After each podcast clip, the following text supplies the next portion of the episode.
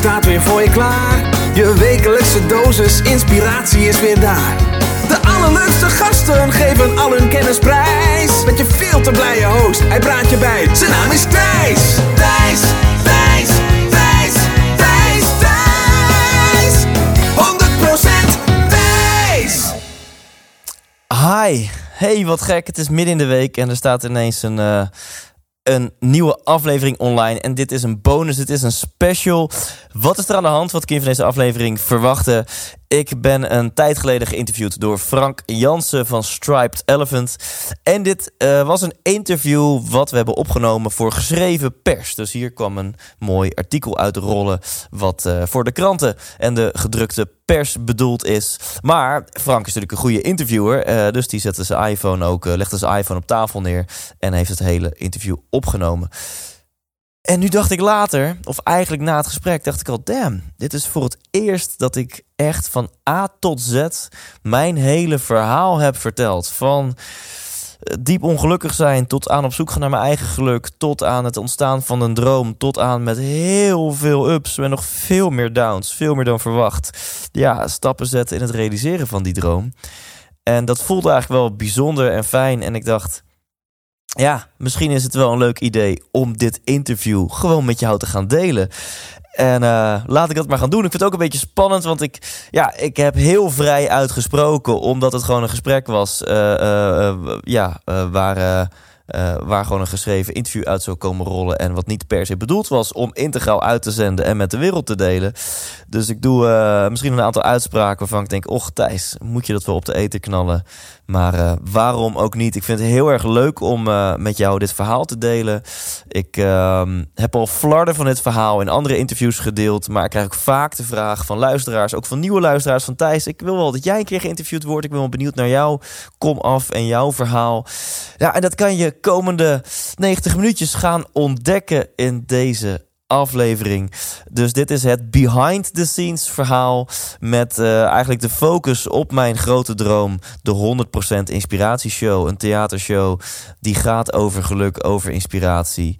En ehm, als je dit ziet, als je dit hoort en je wil er nog bij zijn, ik zou het mega bijzonder vinden als je erbij bent op 10 februari in het Beatrix Theater in Utrecht, want dat is de allerlaatste 100% inspiratieshow. Ik sluit dit tijdperk af uh, ja, met een bang.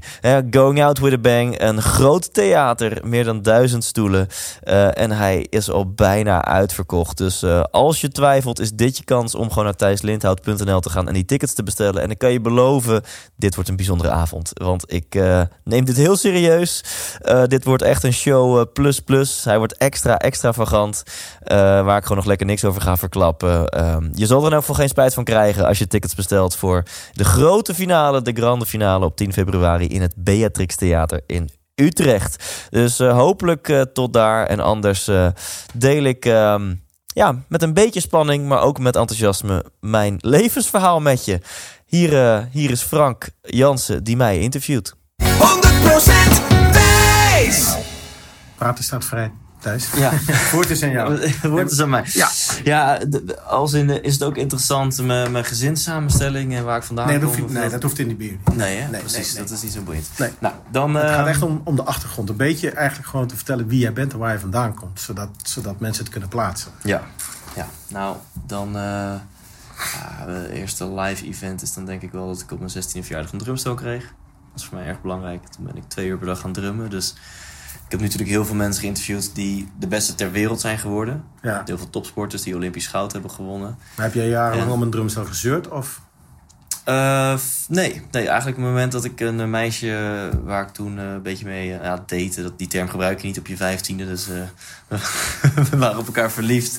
En, en toen uh, staat een drumstel en dat vond ik zo gaaf, toen wilde ik ook een drumstel. Ik, Ik wilde indruk maken op haar door drumstel. Nee, nee, nee. Oh, nee, dat, nee, nee, nee, nee, nee, nee. Dus dat was echt, ik zag haar drummen en ik wow, fuck. Oh, zij drumde zelf? Zij Oké. drumde, ja, zij Ja. drumde. Toen dacht ik, wow, dat is vet. Ja, toen mijn ouders voor mij een drumstel gekocht voor mijn 16e verjaardag, geloof ik. En toen een vriend van mij die had een gitaar gekocht. En toen dachten we, we gaan een band beginnen. En eh, vanaf dat moment, twee uur per dag. Ik heb vijf jaar lang twee uur per dag gedrumd. En ehm, dus daar zie je al iets van mijn mentaliteit. Van als ik ergens mijn tanden inzet, hè, dan moet het ook echt gebeuren. En drummen is een vrij complex instrument. om dat twee uur per dag te doen. Want je kan dat niet thuis doen, want je buren hebben het na een half uurtje al gezien. Dus ik ging dan, eh, dan zat ik op drie, vier haven of zo. Dan fietste ik naar huis, deed ik mijn krantenwijkje en dan fietste ik door naar de muziekschool. En dan haalde ik mijn drumstel uit een kast, die bouwde ik op in de ruimte. Dan ging ik twee uur lang oefenen, drumstel weer terug de kast in, Oh, naar echt? huis. En Dan dan moet je het echt elke keer opnieuw opbouwen. Ja, en dan soms dan kon je een huisdrumstel gebruiken. Maar dus het, het vergde best wel wat, eh, wat offeringen om dat te kunnen doen. Eh, tussendoor heb ik technische bedrijfskunde Je gestudeerd. bent nu 29, hè? 31. Oh, 31 al. Sorry. Ja, dat heb je in een interview Ja. waarschijnlijk gelezen. Maar dat eh, blijft dan staan natuurlijk. En ehm, nou, waarom technische bedrijfskunde? Omdat denk ik op mijn zeventiende mensen al tegen mij zeiden van... nou ja, doe, doe maar iets met ondernemerschap of zo. Want dat, dat past wel bij jou. En dat voelde ook wel goed. En, maar nu als ik dat in mijn theatershows vertel... dan flikkeren mensen van hun stoel van... hè, weet je wel, er staat hier een best wel extraverte eh, entertainer voor ons neus... eh, die die, die eh, met allemaal humor en, en, dingen komt... en dan heb je technische bedrijfskunde gestudeerd. Ehm En die studie heb je ook afgemaakt. heb ik afgemaakt. Cum fraude, zeg ik altijd voor de grap. Want in mijn theatershow, om daar meteen al een linkje naar te leggen, zit een verhaal. En ik ben hier gewoon trots op, je ziet me glunderen nu. Heb ik een, een heel semester gefaked. Je moest stage lopen. En ik heb gewoon een, een website opgericht van een bedrijf, wat niet fictief bedrijf. En daar heb ik een stagevacature opgezet. En toen heb ik tegen mijn- mijn mijn leraar gezegd, mag ik hier op solliciteren? Nou, dat mocht. Toen heb ik tegen hem gezegd, hey, ik ben aangenomen. En eh, dan denk je, nou, dat gaat wel vrij makkelijk. Maar dan heb je het stagebezoek.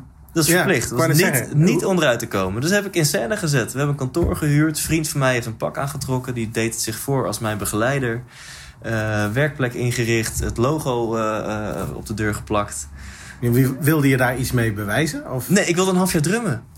echt? Ja, ik, ik, ik, ik was in het jaar drie van de studie. En ik denk, ja, ik werd gewoon een beetje rebels. En ik dacht, ik vind die studie niet meer leuk. Maar ja, laat ik het maar afmaken. Anders heb ik zo'n studieschuld. En echt gewoon een eh recalcitrant eh, tiener die dan, ja, zoek het maar uit. Weet je wat, ik, ik zet die stage wel in scène. Kan ik een half jaar drummen. Dat vind ik tenminste wel leuk. En eh, nou, dus, dus, dus ik heb de studie afgemaakt. Dus vraag, me- vraag niet hoe. Oké, ja. En dit verhaal zit in mijn show. Dat heeft, is eigenlijk een van de weinige dingen in mijn show... die totaal niks toevoegen aan de rode draad van de avond. Maar het is gewoon een leuke, luchtige kennismaking met mij... en een beetje rebelsheid. Nou ja, het geeft wel iets aan over jouw karakter. Het Ja. geeft wel iets aan over jou. Ja. on- want eigenlijk ben je een, bij meer ondernemend geweest... dan wanneer je gewoon een reguliere stage had gehad. Ja, absoluut. Dit, dit, dit, dit vergt eigenlijk veel meer skills. Ja, zeker. Ja, veel meer risico nemen, veel meer ondernemerschap. Ja, ja Het is ook een beetje balanceren op het randje van wat wel en niet kan. Nou, ik denk dat het wel over het randje is. maar eh ehm, net was ik 21. Het is over het randje als je de maatstaf van de school neemt. Ja, ja. Maar je had duidelijk een andere maatstaf. Precies, precies. Ja, Ja. En op zich, ik ben op mijn pootjes terechtgekomen. Ja, Dus, precies. Eh, ik mocht twee weken geleden, mocht ik op een event van Hogeschool Utrecht, mocht ik en een, een eh, lezing geven en daarna deelnemen in een panel, omdat ik een voorbeeldstudent ben. Om dus aan andere studenten te laten zien, kijk eens wat Thijs Lint dat allemaal heeft bereikt na zijn Ja. studie en dat kunnen jullie misschien ook bereiken. En eh, dus nou, heb ik dit verhaal maar eventjes niet verteld. En eh, toen op mijn 21ste fulltime gaan werken bij Royal Haskoning DAV. Hier Ja. in Amersfoort, DAV, het hoofdkantoor op de Laan 1914. Dus toen was ik 21 en was ik milieuadviseur. En dan hielp ik bedrijven bij de ISO 14001 milieucertificering. En later bij de CO2-prestatieladder, de CO2-normering. Maar als je daar nu op terugkijkt, hè, dat je dat als 21 jaar eh, eh, een grote bedrijf adviseert over dit soort Ja. toch redelijk complexe eh, duurzaamheidsvraagstukken. eh, hoe kijk je daar dan op terug? Eh, Hadden, hadden, kwam je nooit ergens binnen waarvan Er is- men dacht van de jongste stagiair, de jongste bediende? Mogelijk wel, maar als je dit nu zo vraagt, en wat wel grappig is. Ehm, soms is een gebrek aan kennis fijn. En ik denk dat ik toen nooit de kennis had, eh, of het bewustzijn had van: hey, dit is eigenlijk heel gek dat ik zo super. Ik vond het gewoon heel normaal. Ik was 21, ik had mijn studie afgerond. Er kwam een nieuwe normering, de CO2-prestatieladder, had ik mee ingelezen. Die andere normering, die ISO 14001, had ik op afgestudeerd. Dus ik was vrij Dus die kennis had wel snor. ik had, wel- ja, ik was alsof van de kennis en, en de gedachte, maar dat, dat is onwetendheid, het kan dan fijn zijn. De gedachte kwam niet in me op van, van hè, wat raar dat ik dit nu doe en dat ik bedrijven hierbij mag adviseren. En ik vond het super stoer, 100 euro per uur was mijn tarief. Weet je wel, ik kreeg Op zelf. 21-jarige leeftijd is dat veel geld, hè? Nou, ik kreeg natuurlijk Niet- 10% jij niet, ervan. nee, Maar, dat tuurlijk. werd, ja. Ja. Nee, dus, dus en ik had een kaartje in. Ik had mijn studie natuurlijk gehaald, hè, en het is een technische HBO, dus er stond ING Thijs Lindhout. Ingenieur Thijs Lindhout, milieuadviseur. Nou, weet je, op je 21ste, dat is natuurlijk fantastisch. Dat laat Ja. je nou je vrienden zo zien. En oh, hoe gaat het met jouw studie? Nou, ik heb wel eh, dit kaartje. En, ehm nou, dan wel een sprongetje tijdens die. eh, mijn werkzame leven daar kwam, eh, werd er een mailtje rondgestuurd van... we hebben eh, Remco Klaassen, komt hier een lezing geven... en Remco is goeroe. en ik, ik had hem niet eens gegoogeld, maar ik dacht... als jij jezelf goeroe mag noemen... en het kostte 10.000 euro voor één dag om hem in te vliegen. Ja. Dus ik dacht, hè, dit, wat, wat is dit? Die gast die mag een dag lang komen presenteren... en hij wordt goeroe genoemd en hij krijgt er 10.000 euro voor. Dus met die mindset ging ik daarheen. Van eh, eerste rij, ik weet nog heel goed... En ik was toen, eh, ik denk, 2 of 23 of zo. Ja, en die dag eh, klinkt dan heel eh, dramatisch, maar die dag is wel mijn leven veranderd. Want toen zag ik iemand 12 uur lang, het was een training van 12 uur lang, van 9 tot 9. Zag ik iemand met zoveel passie en energie inspireren en entertainen. En ondertussen gewoon heel veel wijze lessen delen.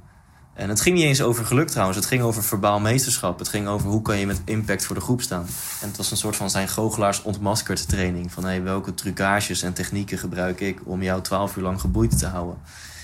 En, eh, en hij, ik, ik zag, ik had nog nooit een volwassene zeg maar, gezien met zoveel speelsheid ook. Dus een normaal mens denkt gewoon: hey, toffe gast Remco, heeft me leuke dingen geleerd. En wat heb ik een leuke dag gehad. Weet Ja. je, dat, dat is een normale reactie op zo'n dag.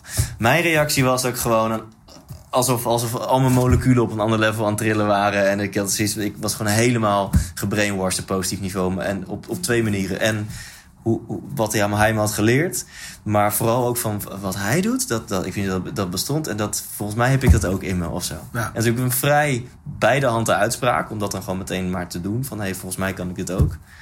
En eh, ik weet nog goed dat ik toen tegen een collega zei van... Ik zei letterlijk, ik realiseer me dat terwijl ik dit zeg... dat ik echt me totaal niet bewust ben van wat hier allemaal voor nodig is om daar te komen. Ja. Maar wat die Remco Klaassen doet, dat kan ik ook.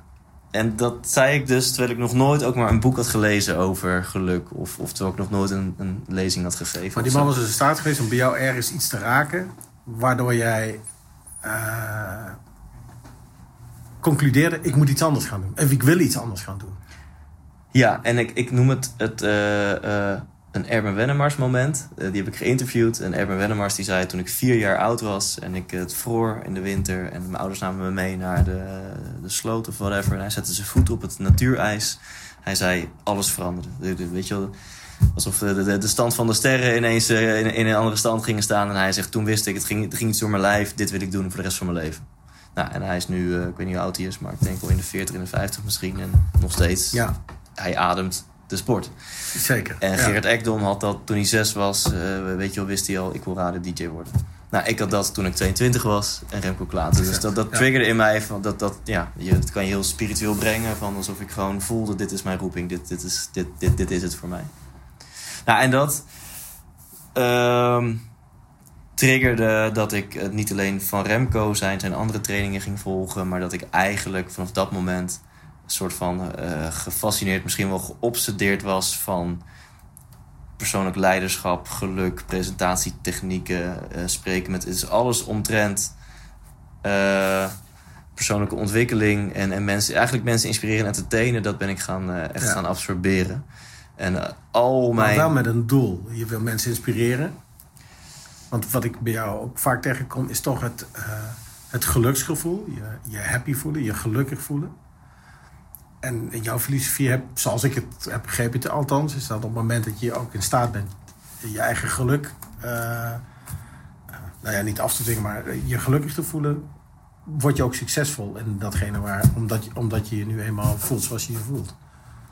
Ja, nou ja, da- daarmee zeg je heel veel met weinig woorden. Want ik kun heel lang definiëren Ja. over hoe, of, of discussiëren over hoe definieer je dan succesvol en Ja, zo. Maar inderdaad, als je succes ik denk definieert. niet succesvol dat het alleen maar met geld te maken Nee, heeft of zo. eh, als je succesvol definieert als je, je, je, je, je bent gelukkig in het leven, ja, dan zeg je dus eigenlijk, dan moet je dus eigenlijk, is geluk hetzelfde als succes. Succes, en dan als je dan een stap terug gaat, dan is de kern, wat mij betreft, dat je, dat je zoveel mogelijk trouw aan jezelf leeft. Leef 100% jij. En daar, om dat wat concreter te maken, nou, om 100% jij te leven, is het vrij belangrijk dat degene waarmee je leven deelt, of de mensen waarmee je leven deelt, je vrienden en je partner, dat die dan zeg maar, bij jou passen. En dat jouw baan, hetgene waarmee je je geld vindt, dat het bij jou past. Weet je, je kan niet zeggen, oh, ik ben zo authentiek en ik weet helemaal wie ik ben en, en waarvoor ik sta. Maar wij Eh, veranderen toch ook continu?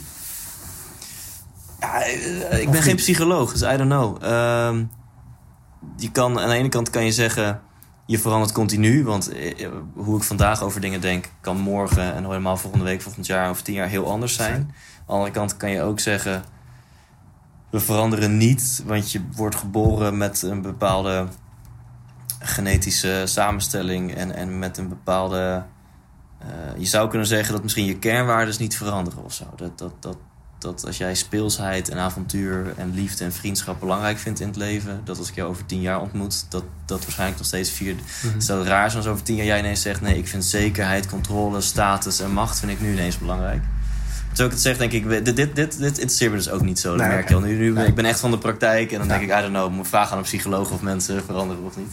Maar dan gaan, we gaan even terug in dat Ja. verhaal waarin je zegt, nou, ik, ik- de- deze Remco eh, wist in ieder geval bij mij iets te raken, waardoor ik wist, ik wil iets anders gaan doen dan dat je op dat moment deed, namelijk werken voor Royal Halskoning. Ja, en, en eh, daar ontstond, denk ik, je periode.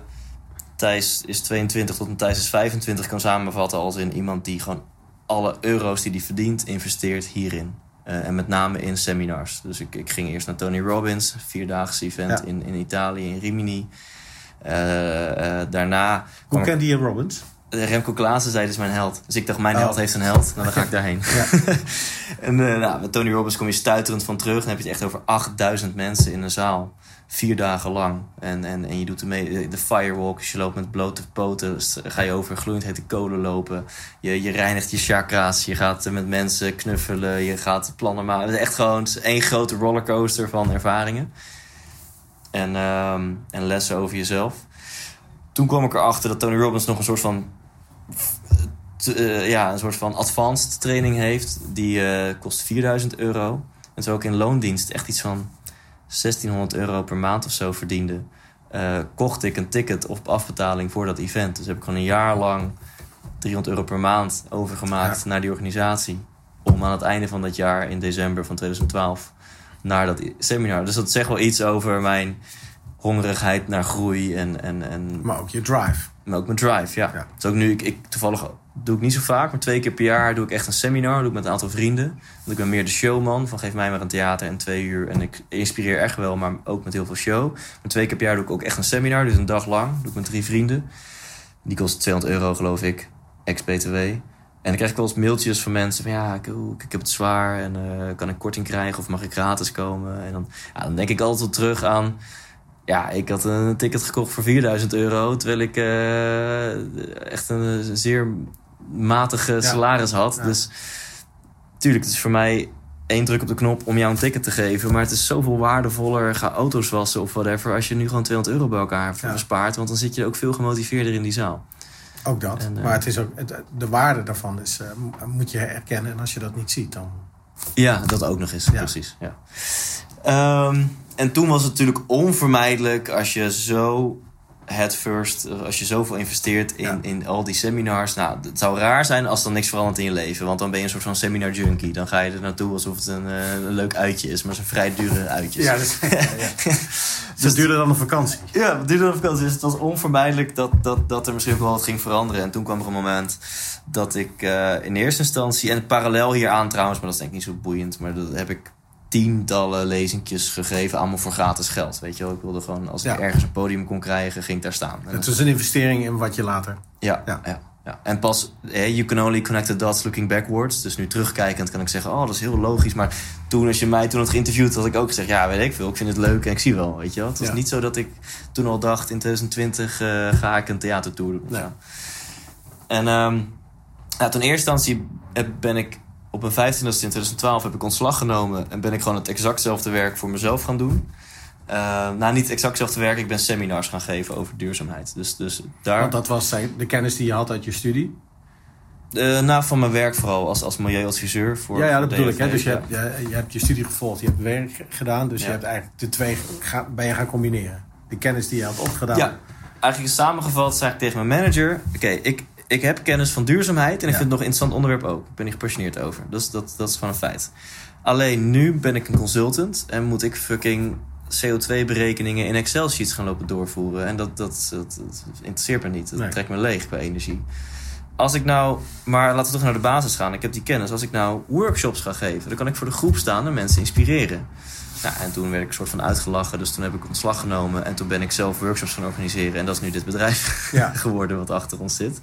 Welke naam draagt het bedrijf nu? Toen was het co2seminar.nl. Ja. Want ik dacht, nou, ik ga seminars geven over CO2. En het heet nu de Duurzame Adviseurs. De duurzame adviseurs. Ja.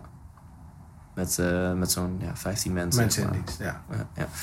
En, eh, en, en daar is dus mijn. En, en toen verdiende ik ineens meer geld. Dus toen kon ik nog veel meer geld investeren in, in mijn. Dus ik ben inmiddels elf keer bij Tony Robbins geweest. En ik ben ook naar. eh, naar van, van, van, eh, meer de Oosterse wij- wijze spirituele goeroes ben ik naar seminars geweest. En ik ben naar, naar een seminar in België over spreken met impact geweest. En weer naar Londen. Dus ik ben echt En neem je daar altijd iets van mee terug? ja, tuurlijk. Ja? Ja? Ja, ook, ook nu als ik... Een van die seminars van Tony Robbins heb ik zeven keer gevolgd. Dus van die elf keer Tony Robbins is zeven keer hetzelfde seminar. Maar elke keer leer je weer nieuwe dingen. Omdat het...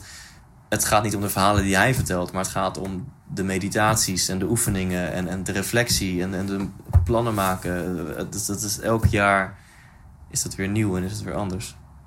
En, en ik ge- gebruik natuurlijk alle avonturen die ik heb gehad eh, voor, voor hilarische anekdotes in mijn, in mijn lezingen en in mijn shows. Weet ja, je wel. Precies. Ja. De ene keer zit je eh, onder, een, onder een regenboog je chakra's te reinigen en, en een weekend lang te mediteren in de lotushouding op, op hoe je eigenlijk eh, alles in het leven een cadeautje is en hoe je overal het mooie in kan zien. En dan na die twee dagen rij je helemaal zen weg bij het parkeerterrein, gaat die slagboom niet open en schiet je helemaal uit je slot. en godverdomme heb ik weer klote muntje boos naar die receptie toe. En dat je denkt, oké Thijs, dit is... Niet helemaal geland, eh, volgens mij, wat je hier, eh, wat je hier probeerde te leren. Nou, dit soort verhalen, die ja, dat Ja. vinden mensen prachtig om te horen. Ja. Ja, ja. Eh, dus ja, ik weet niet. Volgens mij is dit eh, allemaal nog totaal. In ieder geval, minimale flarden hiervan zijn misschien relevant voor, voor zo'n biootje. Maar Ja, vanaf- nee, dat, ik, daar komt echt een goed verhaal uit. ja, nee, ja, ik, ik, serieus. heb er vertrouwen in.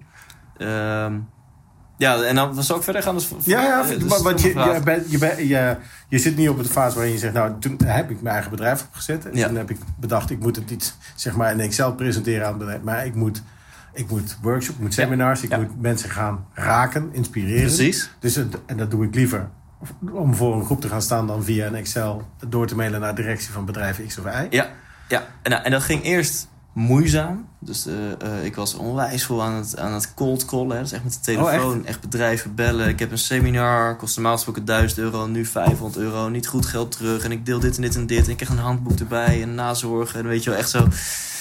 En toen eh, ben ik business seminars gaan volgen. Van hey, kan ik dan wat. hè, leer mij maar hoe dit we- werkt. het, het runnen van een bedrijf en marketing en sales en al dat soort dingen. En nou, dat ging best wel goed. En toen gingen die seminars beter lopen. En toen ging ik een keer naar Las Vegas. Naar Maar hoe merkte je dan dat die seminars beter ging lopen? Wer- Werd je gebeld? Of? Nou ja, ik, heel concreet. Dus stel ik, als, ik, als ik lezingen geef aan ondernemers, vertel ik dan heel uitgebreid mijn ondernemersverhaal. Want elke ondernemer, zeker ZZP'ers en freelancers, die zitten met hoe kom ik aan meer werk. Dus dan vertel ik aan mijn verhaal hoe het dan eerst totaal niet ging. Totdat ik leerde, je kan veel beter dingen gratis weggeven. En dan is het veel makkelijker om iets te verkopen. Dus ik ging niet meer bellen met kom naar mijn seminar, kost 500 euro. Want het is, we kennen je niet en we moeten nu 500 euro hebben. Ja. Maar ik ging mensen bellen, maar vooral mailen. Want het kan ineens veel massaler. Je kan Ja. met één op de knop duizend mensen mailen natuurlijk. Eh, kom naar mijn gratis seminar. Eh, en toen ging ik gratis seminars geven. En daar pitchte ik dan een betaald soort van adviestraject. Ja. Wat ik inhuurde door een. ZZP'er. Waar ik gewoon een fee op pakte. Dus ik pitchte een product wat 4000 euro kostte. Met 2000 euro marge voor mij. ja. Nou, en toen ging ik echt letterlijk van gewoon... Ik had een, zat in een studentenhuis van 300 euro huur per maand. En ik, ik kon dat niet betalen. Ik was geld aan het lenen bij mijn vader, bij mijn ex. Bij, eh, was toen ook al mijn ex, dat is echt heel triest. Om, om huur te kunnen betalen. En ineens had ik 14.000 euro marge op één avond. Want ik had zeven van die pakketten verkocht... Tijdens mijn eerste gratis seminar. Eh, waar dus 14.000 euro marge... Dus, nou, en dat... Dus dacht ik, hé, hey, dit ga ik vaker doen. Dus ik heb eh 80 van die seminars gegeven. Ik dacht, dit werkt. Over, verspreid Ja, over ja. de eerste vier jaar als mijn ondernemer. Door het hele land. En, ehm, en toen, nu komt het sleutelmoment. Nou, ondertussen ben ik zelf mensen gaan aannemen. Want ik dacht, ja, ik heb nu zo'n aanwas van al die producten. het is leuk om die marge te draaien met ZZP'ers, maar misschien ga ik wel mensen aannemen. Nou, dus, dus dat gaandeweg ging dat goed. En ehm, het sleutelmoment is ergens in 2013 al, zat ik achter mijn kantoor. En ineens had ik gewoon een soort van moment van inzicht. En dat was gewoon totaal niet gepland. Niet dat ik dacht, ik ga nu even mediteren op mijn toekomstdroom of zo. Maar ineens zag ik het voor me van, wacht even. Oké, ik leer al die interessante lessen bij al die seminars die peperduur zijn. Maar wat ik daar leer, dat, dat zijn essentiële levenslessen over hoe word ik gelukkig, hoe maak ik keuzes, hoe ga ik om met tegenslagen, hoe zorg ik voor liefdevolle relaties. Ik denk van dat leren we niet op school, leren we niet tijdens onze studie, leer je niet tijdens eh, het bedrijfsleven. Maar en toen dacht ik ineens, dit kan toch niet? Dat, dat dit, waarom als dit, dit soort wijsheden bestaan, eh, is dit niet gewoon een soort van openbaar goed? En toen ontstond ineens het idee, maar wacht even, ik ga theater in. En ik zag het meteen voor me. Ja. Dus van, oké, drie ingrediënten, muziek, humor, inspiratie. Dat is nog steeds, als je mijn show in drie woorden moet samenvatten, muziek, humor en inspiratie. En ik, ik, ik, zag voor me, ik, ik zei, nou, gewoon een avondvullend programma van, van, van 8 tot 10, 8 tot half 11. En uh, een paar honderd mensen in de zaal op het podium, een drumstel. En ik, ik ga daar gewoon de meest wijze lessen die ik heb geleerd, met, met, met een lach, met een traan en met muziek, ga ik delen met mensen. En uh, nou, wat dan een, een soort van grappig verhaal is, dat ik meteen daarna Carré belde. dus, ja, je bent onderaan begonnen hoor ik. Ja. dus dit is letterlijk. Ik, had, ik heb het papiertje thuis nog bewaard. Dat, ligt, dat heb ik in 2013 heb ik het dus zo getekend. En uh, ik belde Carré. En het idee was dus vijf minuten oud. Ja, mag ik uh, doorvonden worden met de afdeling zaalhuur? Nou, zaalhuur. Ja, kun je die zaal boeken? Uh, wat dan? Ja, 13 februari 2017. Kijk, heb ik vier jaar de tijd. En heb ik vier jaar de tijd om deze show te bouwen en, en, en 1700 kaarten te verkopen. En toen zeiden ze, nou meneer, dat gaat zo snel niet. Ik zeg, maar ik betaal toch de huur, moet ik een aanbetaling doen? Ik maak, ik maak nu wel een borgsom. Dus nou, als de kaartverkoop openbaar is, dan um, uh, moet je door onze ballotagecommissie. Want de bezoeker weet niet of, jou, of jij carré boekt of dat carré jou boekt. Ja. Uh, dus meneer Lindhout, uh, wie denk je wel niet dat je bent? bent? Dat gaat niet zomaar. Heb je misschien een video? Ik, tuurlijk heb ik een video. dus ik hang op, ik denk, kut, ik moet een video, video maken. En toen heeft het uiteindelijk echt wel een jaar tussen gezeten. Een jaar later heb ik een theater geboekt in Amersfoort. Maar met... kreeg je die reservering trouwens of niet? Hm? Heb je uiteindelijk die reservering gekregen? Nee, dat heb ik dus. Dus, dus een het is een heel ja. sappig verhaal met net even een, met, ja. met een slap einde. Want ik, ik, heb hem, uh, ik heb hem niet meer doorgezet. Maar toen nog wel. Toen dacht ik dus, ik ga en het is al een jaar later, in het najaar van 2014, had ik een theater geboekt hier in Amersfoort. Het Icoontheater in Vathorst. Het meest troosteloze theater in heel Nederland. Want het staat in een nieuwbouwwijk en het heeft helemaal geen... Nou goed, het Icoontheater in Vathorst. Uh, en ik, ik had geen fans, want ja, een, een normaal mens heeft geen fans, toch? Nee. Je, je, hebt vrienden en je hebt collega's en je hebt buren, maar je hebt geen... Dus, nou, dat zat, ik had 150 tickets verkocht aan, aan dus vrienden, collega's en ja. buren. En... Uh, met één doel, ik moet het videootje hebben. Dus een cameracrew, ja. dat heeft echt een paar duizend euro gekost die, die avond. En ik moest een show hebben. Dus ik had drie weken van tevoren had ik die kaarten allemaal verkocht. En ik, ja shit, nou heb ik nog drie weken moet ik een show, show in elkaar maken. zetten. Dus ik een beetje nou, wat medleys in elkaar gedraaid. Ik, vanuit mijn bandjesverleden kende ik een hele hoop producers en studiogasten.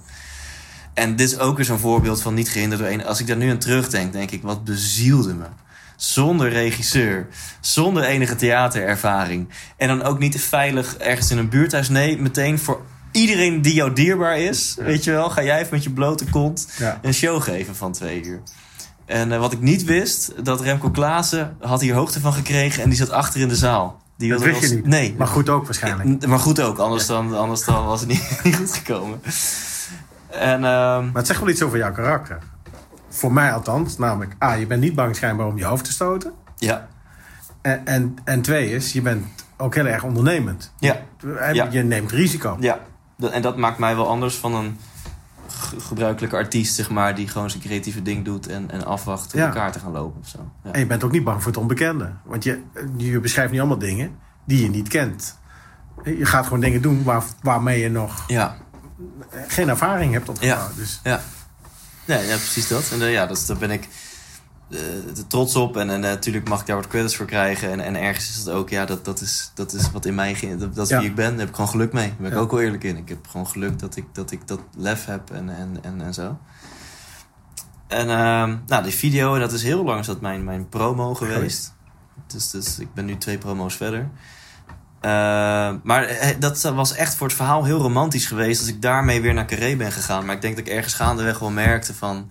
dit geeft me meer stress dan Ja. inspiratie. Want het hijgt wel heel erg in mijn nek dan... dat je 1700 tickets moet verkopen Ja. terwijl niemand je kent. Dus ook wel er, ergens enige vorm van realisme is me soms ook niet onbekend. Dat ik toen merkte dat het gaat niet werken.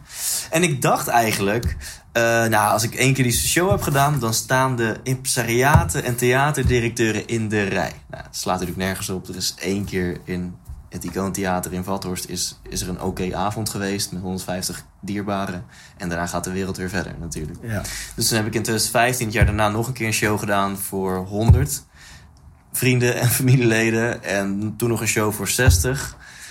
En toen dacht ik, nou, dit is, deze lijn gaat de verkeerde Dus kant dat op. is, ik wou net zeggen, dat is de verkeerde curve. Ja, en dan gaandeweg nog dit bedrijf natuurlijk. Dus het is allemaal door elkaar heen. Ja. En ik heb niet voor niks een burn-out eh, daarna ook gekregen. Dus het ging allemaal door elkaar heen.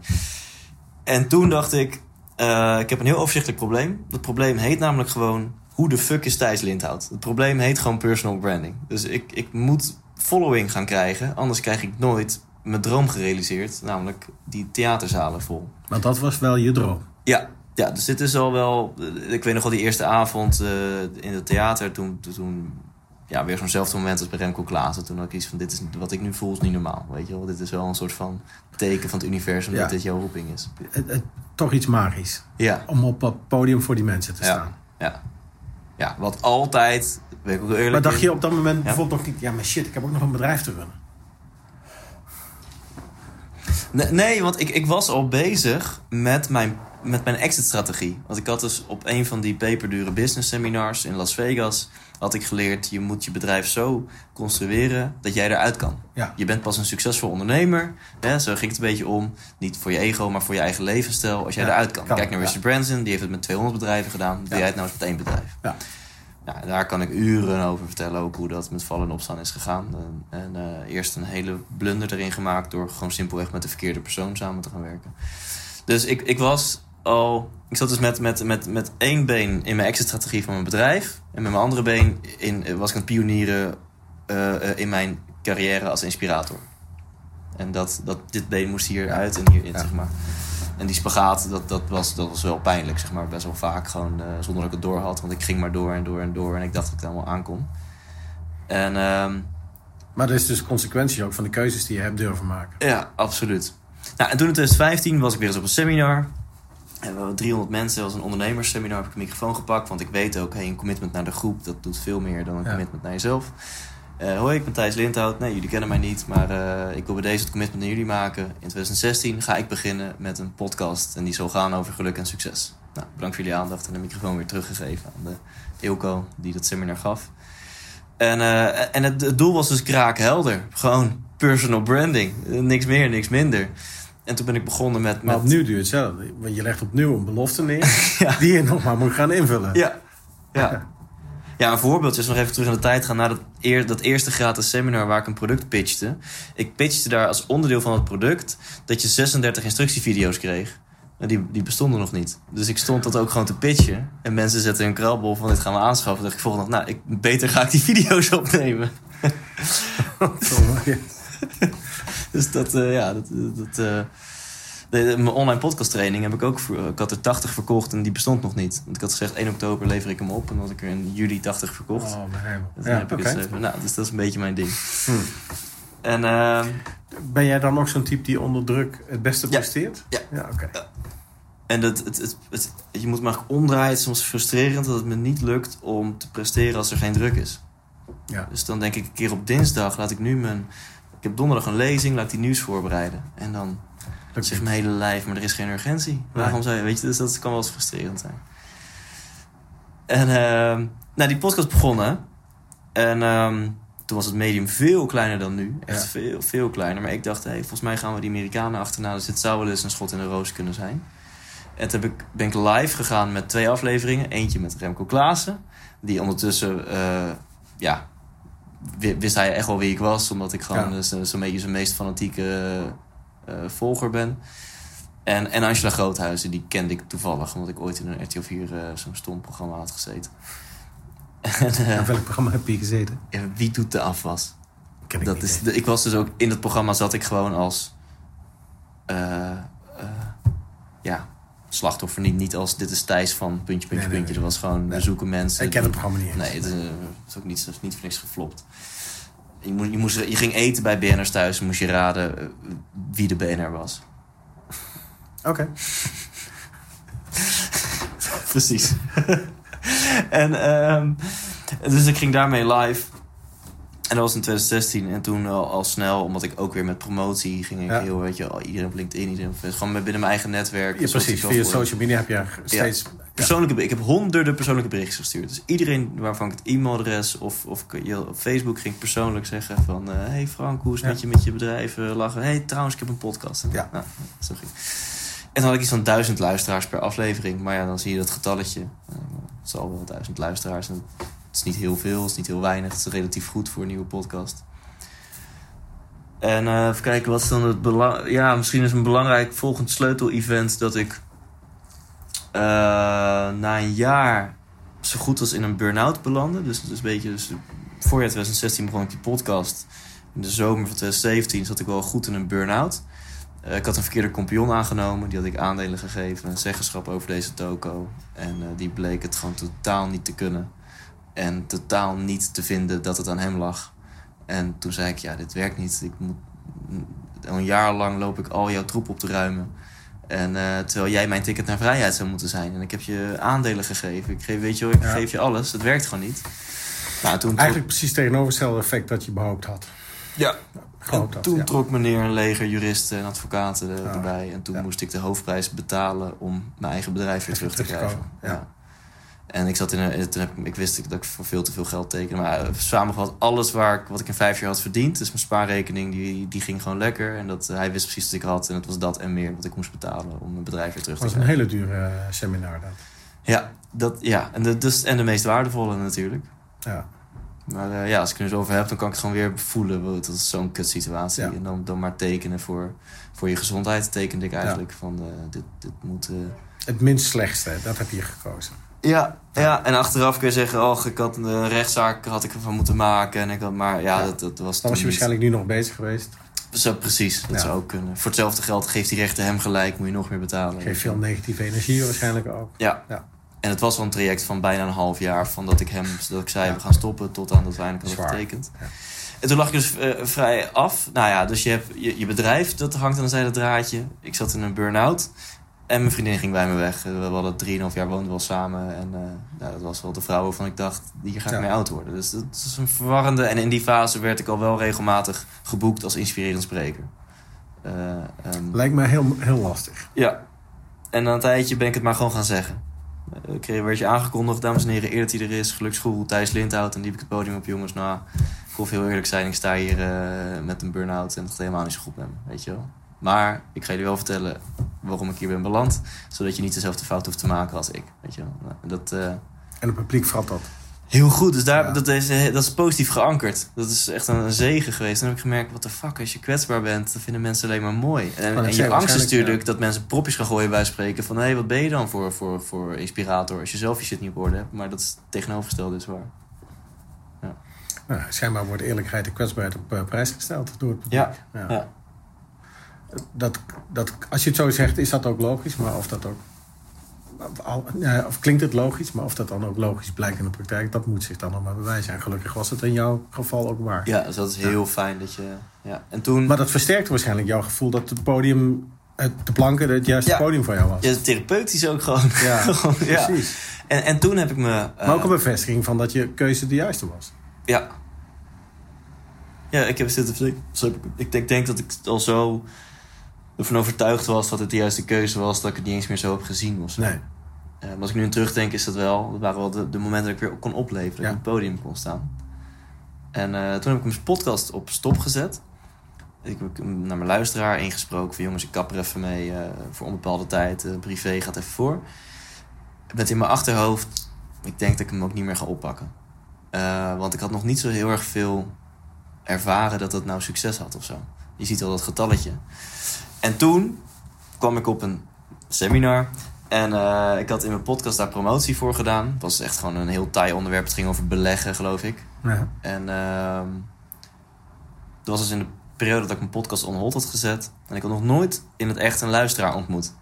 En op dat seminar waren 120 mensen. En toen vroeg de dagvoorzitter, wie van jullie zit hier via de podcast van Thijs? En toen gingen 80 handen de lucht in. Echt waar? Dus ik, ik zit daar, nou ja, Thijs zit daar. En, en, en, en ik weet je wat? En daarna in de pauze, mensen wilden mij op de foto en, en stonden een kringetje om me heen. En nou, dat is dan leuk voor je ego. Maar wat echt leuk was, dat ze, dat ze me gingen bedanken. Van, hey, ik zit met jou in de auto elke dag. En dankzij jou sta ik hier en ben ik voor mezelf begonnen. Of dankzij jou heb ik die stappen durven te nemen. Mensen die zeiden, ik ben een tijdje ziek geweest... en jouw podcast gaf me hoop terwijl ik in het ziekenhuis lag. Weet je, echt dat soort verhalen. Ja, en dat... Ik weet het nog zo goed. Toen is er een knop om te gaan. Direct midden in zo'n gesprek ging er mijn knopje om. Oké, ik ga hiermee door. Ja. Dit is, dit is precies wat ik nodig had. Ja. Dit is, dus ik, ik was... Ja, dan, dan- omdat ik nooit interactie met die luisteraar was, had, word je heel egocentrisch, zeg maar. Self-centric. Van nee, dit levert mij niks op, waarom zou ik hiermee doorgaan? En dan ineens zie je wat voor impact je maakt. Ja.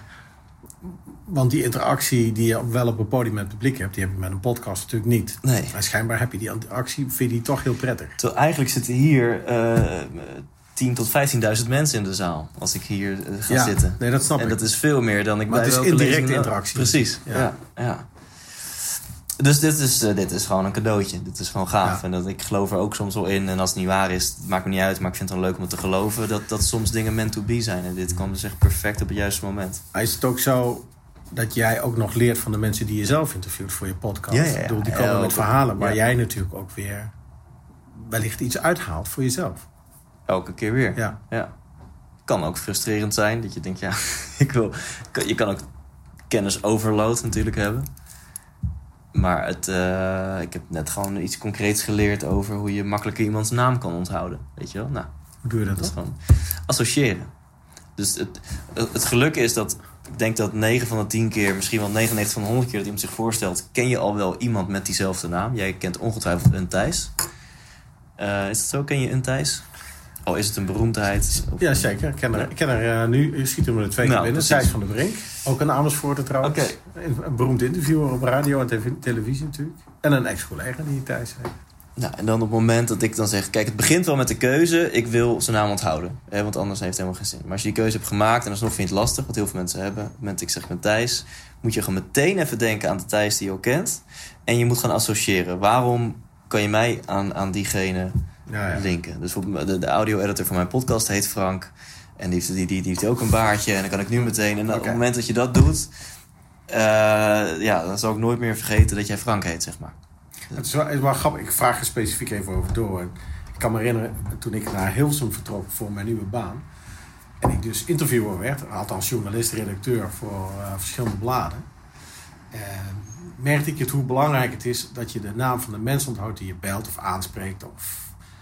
En dat Ja. had ik in mijn vorige werk helemaal niet nodig, naam onthouden. Ik, ik werkte toen er in een winkel, een cd-winkel. Mensen kwamen een plaat halen of een cd kopen. En die gingen daarna weer weg. Ik Oh ja. hoefde niet te weten hoe ze Nee, nee. En nu kwam ik, alles wat ik in mijn werk, alles en iedereen die ik sprak, daar moest ik de naam van onthouden. Dus ik heb mijzelf moeten leren om namen te onthouden. En, eh, en dat het eigenlijk ook heel lullig is om te ontdekken dat iemand die heel enthousiast naar jou toe komt en jij Ja. gewoon niet meer weet hoe, hoe die persoon heet. Ja.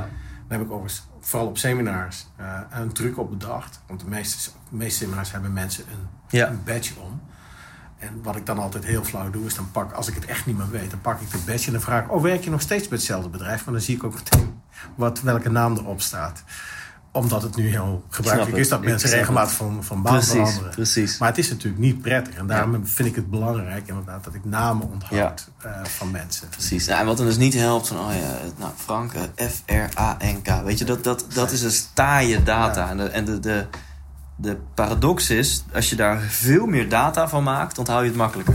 Dus dat is Ja, dat is, meteen... ja, Dus ik zie jou in de studio zitten, want die andere Frank die ik ken, die doet veel studiowerk. Ja. Ik maak er helemaal een beeld bij. En, eh, ja, en ik, grappig. weet je wel. Nou, en zo kan je dus, als je dat in extreme doet, kan je dus 22.000 cijfers uit je hoofd leren. Ja. Nou, dus ik, Ik, leer- heb die ambitie trouwens Nee, niet. nee. om zoveel cijfers in mijn hoofd te leren. Dus ik, ik leer eh, elke keer weer wat. En ehm, dus die podcast weer opgepakt. Mijn leven opgepakt, het bedrijf. Ja, echt. Dus ik heb, ik heb niet een burn-out gehad als in een half uur lang op bed liggen. Misschien omdat hij niet heftig genoeg was, maar misschien omdat if the why is big enough, weet je wel. De, de, Ja. de- de- er was- zit gewoon ergens een, een grens in mij van, nee, maar ik ga, dat kan niet, want ik moet dit bedrijf redden, weet je wel. Nou, dat is gelukt. Eh, dus het bedrijf ging aan zijde draadje, mijn leven weer oppakken, die podcast weer oppakken. En toen, een jaartje later, denk eh, begin 2018, dus toen was die podcast, deed ik al twee jaar, heb ik voor het eerst weer een theatertje geboekt.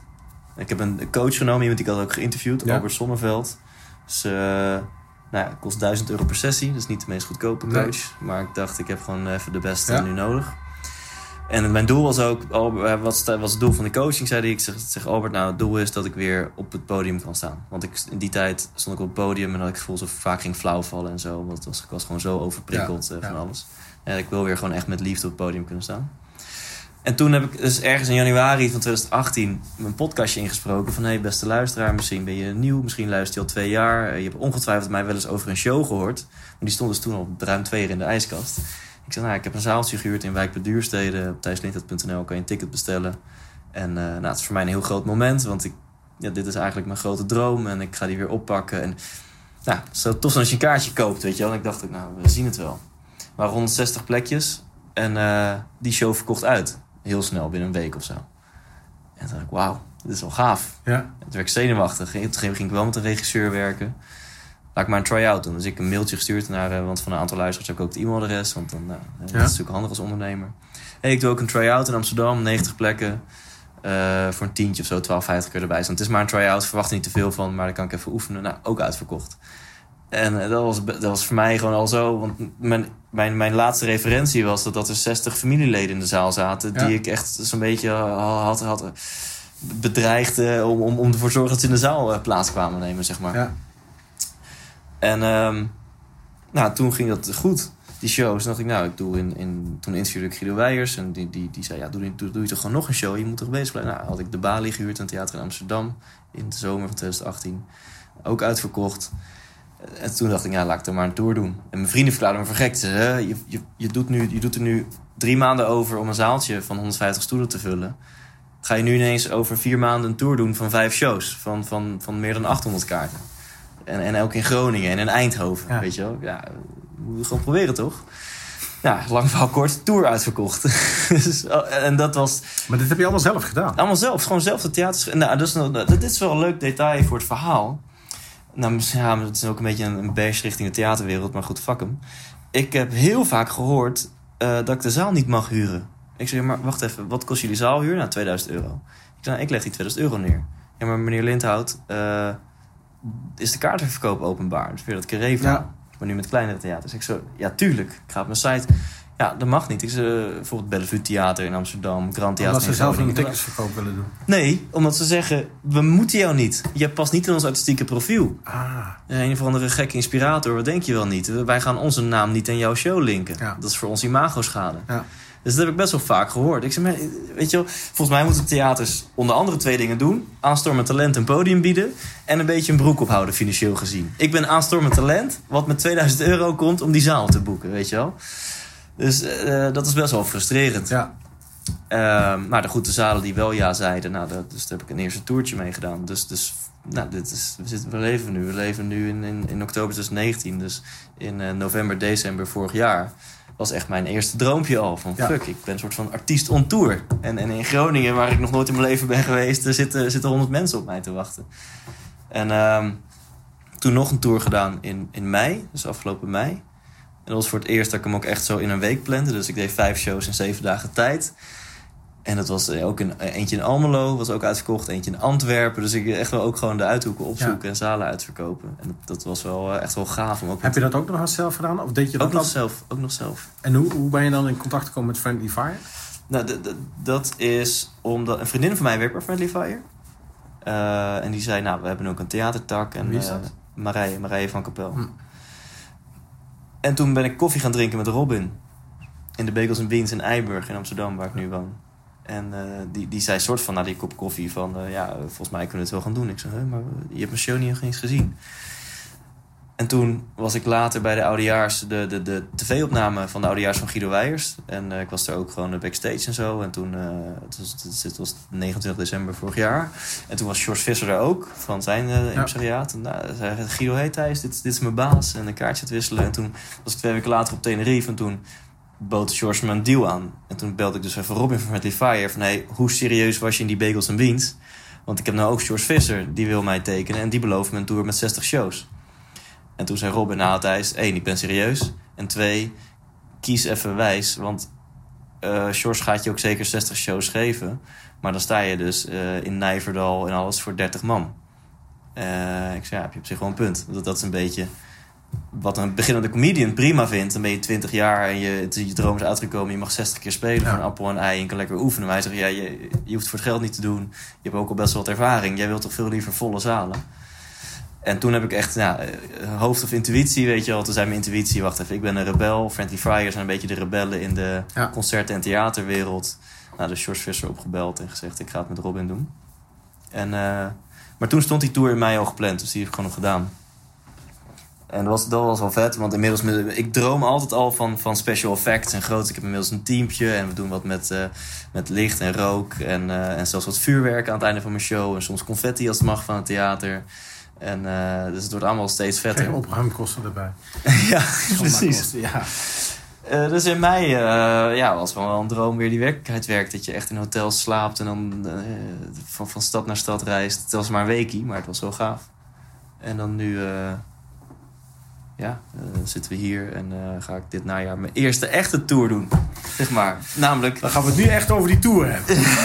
de krantjes. Ja. En, eh, ja, en, en die podcast, om daar nog wat over te vertellen dan, is dat, dat is de, de nummer één podcast in de categorie zakelijk. Eigenlijk al jarenlang. Ja. En, Die blijf je dus gewoon continueren. ja, en er luisteren 100.000 mensen per maand naar. Echt waar. Ja. Zo.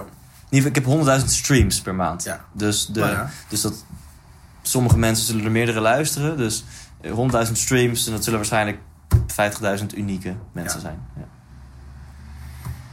En, en Ooit, ooit begonnen als personal branding. ooit begonnen als personal branding. En wat er nu voor zorgt dat, dat ik het 06 heb van, van, van Guido Weijers tot Piet van de Hogeband. Ja. Tot, tot, tot Jandino Asporaat, tot Giel Belen. Word je ook wel eens gebeld iemand die zegt ik wil ook? Ja, nou ja, ik, ik wekelijks. eh daar zeg ik altijd nee tegen. Want over het algemeen, eh, mijn, Jij kiest, jij kiest de persoon. mijn assistent checkt het heel maar ik heb eigenlijk nog nooit meegemaakt. Nou, twee keer. Sylva- De PA van Sylvana Simons vroeg, wil je Sylvana interviewen? Nou, daar heb ik ja tegen gezegd.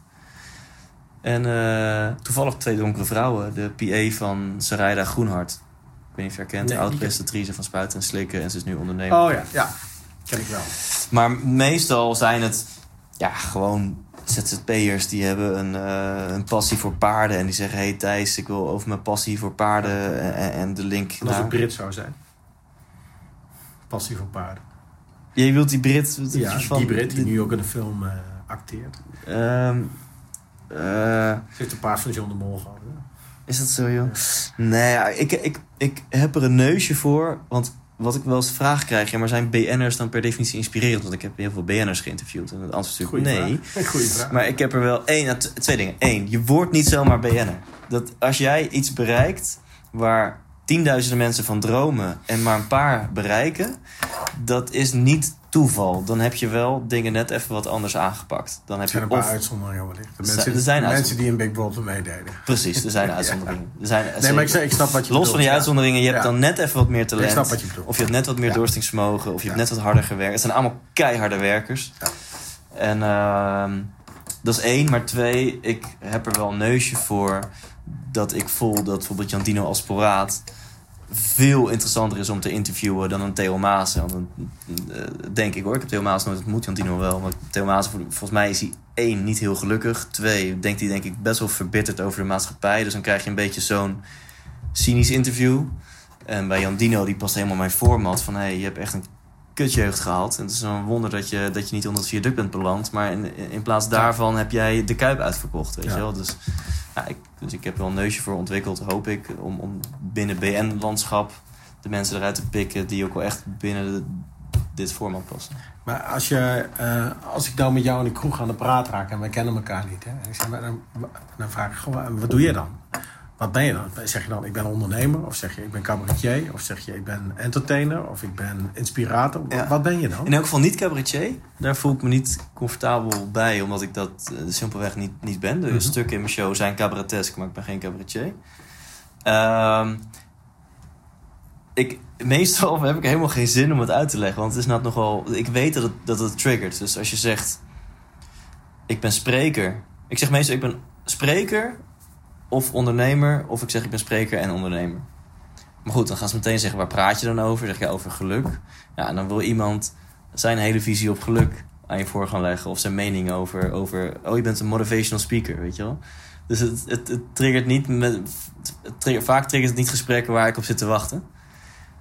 Ehm, maar Maar ik denk, dan als een ik, persoon oprecht interesse heeft, dan zou ik inderdaad gaan zeggen: ik ben, ik ben spreker en ondernemer. ja, en, want dan neem ik, eh, want dan wil ik je nu zeg maar eh, meenemen naar het moment dat je hebt, bes- eh, je gaat met Friendly Fire in zijn en op dat moment weet je ook, oké, ik ga nu werken aan een met een regisseur. En, en, dus, dus het wordt een, een theatershow die onder regie staat. Er wordt is over nagedacht. Er zit iets met belichting bij. Er zit iets met Ja. toeters en bellen bij. Je drumt live op het podium. Ja. Eh, dus er, je hebt erover nagedacht. Je, Ja. hebt, je hebt niet eerst gezegd, ik ga het doen en dan pas nadenken. Je, Nee. hebt, je hebt nu nagedacht van dit gaan we doen met z'n allen. En Friendly Fire heeft dan gezegd... en dan ga ik voor jou de zalen selecteren die bij jou passen. Die, die qua grootte bij jou passen, bij jouw ambitie passen. En die wellicht ook weer een, soort onderdeel worden van jouw carrière... die hierin ja, een vervolgstap gaat krijgen. Want je begint hier, maar eh, volgens mij heb ik ook ergens gelezen... dat je uiteindelijk in de Ziggo Dome wil staan. Eh, ja, ja. En, ja, en, en maar daar zitten 17.000... Nou, als, het, als het ziet, het is, zijn het er 13.000. Maar dan zitten er dus 13.000 mensen naar je te kijken. Ja, Dat is best een ambitie, hè? ja, Toch? ja. Ja. De, dus ehm, met welke... Nu terug naar de vraag die ik aan je wil stellen... is van... Met welk idee... Dus mijn, mijn control freakness wil ik... Ja, Ja. Met welk idee ben je dan deze... Mag ik het show noemen? Ja, Of- ja, ja, graag, Met welk idee ben je deze show gaan bouwen? Wist je al meteen, dit zijn de drie of vier elementen... op basis waarvan ik anderhalf, twee uur ga vullen? Dit wil ik bereiken. Dit, is, dit, is, dit moet erin, dat moet erin. Ja, het- en het is nu, wat dat betreft ben ik heel benieuwd hoe mijn tweede show gaat zijn. Want rond deze tijd volgend jaar ben ik op tour met mijn tweede show. Nou, ik, heb, ik heb een titel bedacht, maar ik heb geen idee waar die over zou gaan. Ja, maar Eh, dus ik ben heel benieuwd hoe dat proces gaat zijn. Want het proces van deze show is bij elkaar geharkt. Dus mijn allereerste try-out in Amersfoort in 2014 was gewoon een verzameling van de beste blokken uit de lezingen die ik al gaf. De stukken die, die het beste werkten, de verhalen die de meeste lach opwekten. En met een beetje lijm had ik dan wat muziekstukken gebouwd. verzameld werk. Ja, maar nog steeds, mijn show nu is, als je dan mijn show van vijf jaar geleden bekijkt, dat, dat is gewoon de, de, de tien keer betere versie daarvan. Zeg maar. Ja. Er zijn dingen uit, dingen bij en dingen beter. En, eh, dus hij is gewoon in, in, in vijf jaar tijd is die geëvalueerd. En, en, Tot wat het nu is. tot wat het nu is. En wat is het nu dan? Het, het- het- het- ik merk dat dat vind ik een moeilijke vraag. Wat, wat het nu is, is een show van twee uur. Ja? waarin ik ehm, eh, met de zaal heb ik het over vier thema's die de rode draad vormen in jouw zoektocht naar geluk. Daarom zeg ik ook, ik ben geen geluksexpert, maar ik ben een geluksonderzoeker. Mhm. Dus ik ga jou niet vertellen wat een vijf-stappenplan naar geluk is. Maar ik durf je wel te vertellen dat in jouw persoonlijke zoektocht naar geluk, waar iedereen mee bezig is, bewust of onbewust, maar Ja. waarschijnlijk bewust, anders koop je geen kaartje voor mijn show. In jouw persoonlijke zoektocht naar geluk, maakt niet uit wie je bent en wat jouw ambities zijn, zijn er vier thema's die een hele belangrijke rol spelen. En wat nou zo gaaf is om te gaan ontdekken wat die vier thema's dan voor jou betekenen. Betekenen. En die show gaat over mijn ontdekkingsreis naar geluk, waarin ik zelf in mijn eigen leven die vier thema's tegenkom. En die vertel ik helemaal in geuren en kleuren met successen, maar ook met fuck-ups. Een van die thema's gaat over liefde, dus dan vertel ik wat. eh, nou ja, Het wat- zijn wat- dus vier universele thema's. ja, die wat mij betreft de rode draad vormen in ieder zoektocht naar geluk. Ja, en- maar die, en, en die zijn voor iedereen individueel anders ingevuld natuurlijk. Ja, Ja. ja. Maar jij zegt ook iets. Ik doe dat met de zaal, zei je aan het begin van het verhaal. Ik ga met, met de zaal. ja. Dus het is, het, is, het is niet alleen een beetje achterover. Nee, je bent hangen een goede luisteraar. kijken. Ja, ja. En dat, dat met de zaal, eh, de eerste vraag die ik in al mijn podcastafleveringen stel, eh, ongeacht wie je bent en hoe oud je bent, is wat wil je worden als je later groot bent? Ja. Vind ik een interessante vraag. Die stel ik ook aan de zaal. Dus ik ga ook echt met een paar mensen aan het begin van mijn show het gesprek aan. Van, oh, je, eh, Annemarie, oké, je bent freelancer, je bakt cupcakes en jouw droom is om ooit de volgende Martha Stewart eh, te worden, weet ik veel wat. En dan doe ik met drie mensen en dat zijn dan mijn drie slachtoffers, of beter gezegd hoofdrolspelers de rest van de terug. avond. Die komen terug. Ehm, en met de zaal is ook vooral... Ik vind het leuk om mensen een beleving te geven. Dus als ik vertel over... Ik deed een oefening bij een, een of andere Amerikaan... eh, waarbij ik over kolen moest lopen. En, moesten en ineens voelde ik me een soort van superversie van mezelf. Ja, dan zeg ik daarna tegen de zaal: Ja, ik heb even wat onderzoek gedaan. Weet je wat blijkt? Hij heeft twee dingen met mij gedaan die dus dat gevoel creëerden. Nou, misschien is het leuk om dat met elkaar nu te gaan ervaren, weet je wel? Dus nou, dit is het eerste, weet je? En dan laat ik de hele zaal ervaren wat dan die twee dingen zijn. Ja, maar ze moeten ook dingen doen. ja, dus het eerste is dan gewoon, dan doe je je ogen dicht en dan gaat er een muziekje aan. En dan, dan, dan, dan begeleid ik je van, nou, denk eens aan een moment dat je heel erg trots op jezelf was. Denk eens aan een moment dat je heel veel liefde ervaarde. En ehm, nou, dit, dit zit al op zo'n punt in de show dat mensen denken, nou, laten we dit gewoon eens even testen. Weet je, in het ergste geval heb je even een, een minuut met je ogen dicht gezeten. is ook even lekker, weet je wel. Ja. Nou, en daarna laat ik mensen staan en dan gaan we op elkaar masseren, weet je. En dan... ehm, eh, dus ik laat mensen... Ik kan wel vertellen wat ik heb ervaren. En dan is het gewoon een mooi verhaal. Maar het is veel leuker om de zaal te laten ervaren wat ik heb ervaren. In het klein natuurlijk. Ehm, dus dus dat, dat soort dingen. Dus ik vraag wel vaak de zaal om, om collectief mee te doen.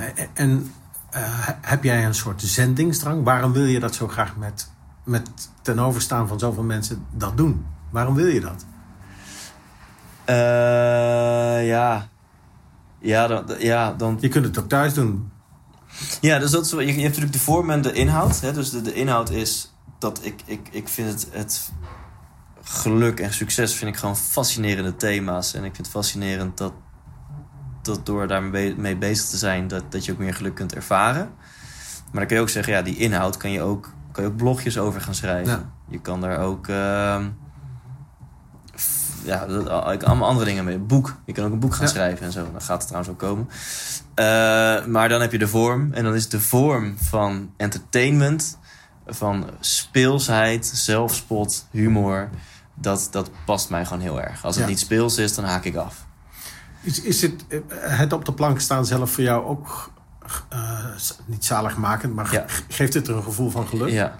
Ja? Ja, en het, eh, op twee niveaus. Eén is het, het kortstondige niveau. Dat is gewoon de, de adrenaline, de kick. En twee, op duurzamer niveau, dat je mensen zoiets mee kan geven. Ik, ik vind het eigenlijk nog ongeloofwaardig als mensen zeggen dat ze dus... Ik heb dingen ervaren bij mijn goeroes, zeg maar, waar ik ze oneindig dankbaar voor ben. Ja.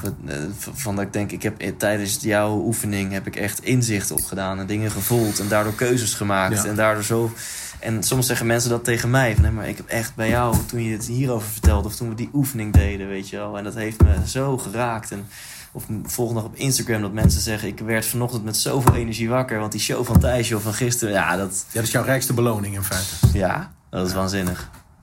Dat is waanzinnig. en dat is voor een deel ook jouw motivatie om, om het op deze manier te willen. Ja, en ik ben ook eerlijk. En tuurlijk is een deel van die motivatie ego. Dat geldt voor elke artiest. Is dan zeg maar mijn veilige disclaimer. Dat, tu- tuurlijk is het ook, het is ook gewoon geld. Het is ook gewoon lekker dat je, dat je daar staat en dat jij dat neerzet. Maar het een kan niet zonder het ander. Nee, niets Als het- menselijks is thuisvreemd. Ja, precies. Al- Als ik daar zou staan en het is alleen maar... Oh, wat knap dat jij dit doet.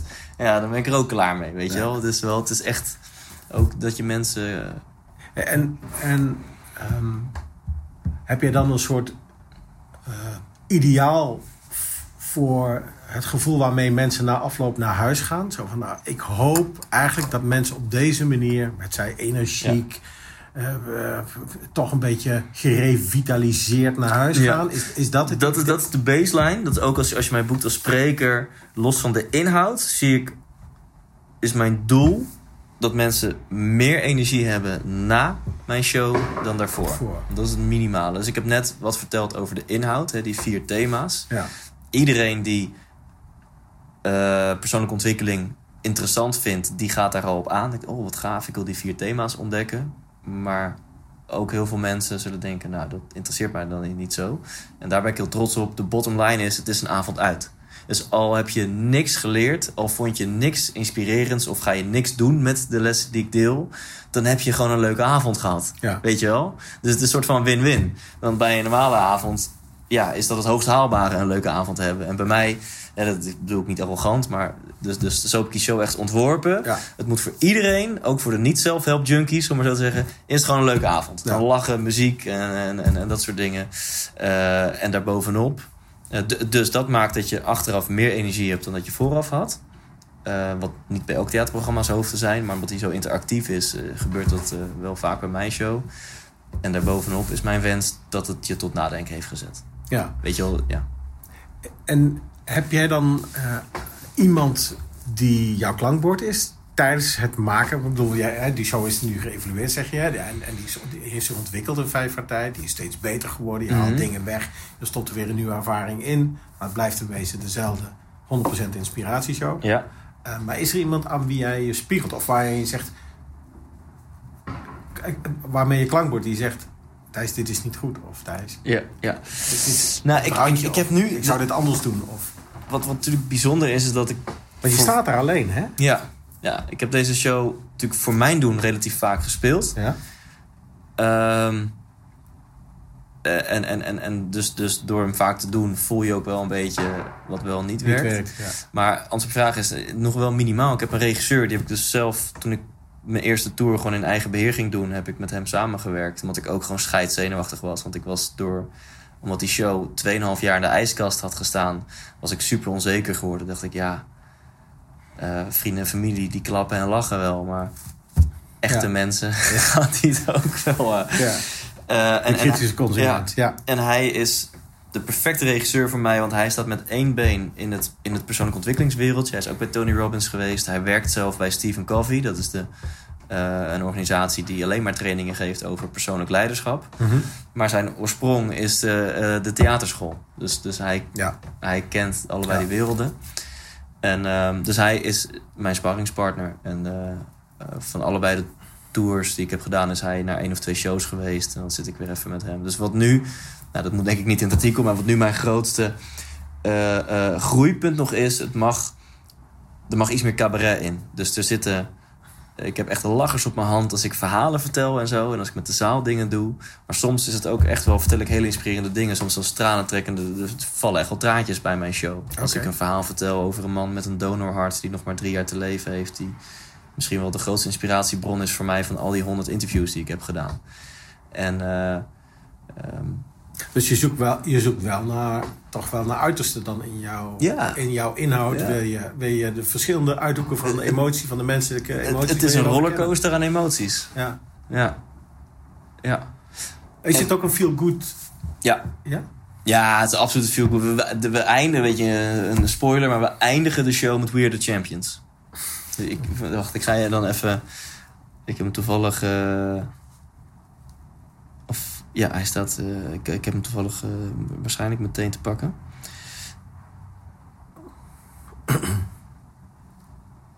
Eh, zeg ik zo stoer?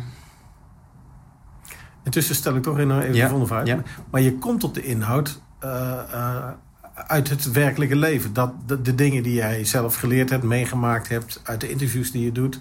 het, het, is niet, ja. het is niet bedacht, het is geen fantasie, wil ik maar zeggen. Is, Nee. Het, is, het zijn dingen die echt zijn. Ja. ja, dus als je... Je hebt muziek, humor, inspiratie. Als je dan die inspiratietak hè, wil uitkleden... dan zeg ik, nou, dat zijn vier thema's. En hoe, hoe belicht ik die vier thema's? Dat is één, door mijn eigen eh, lessen op, op zowel de seminars... als van de mensen die ik heb geïnterviewd. En twee, hoe ik dat in mijn eigen leven heb toegepast.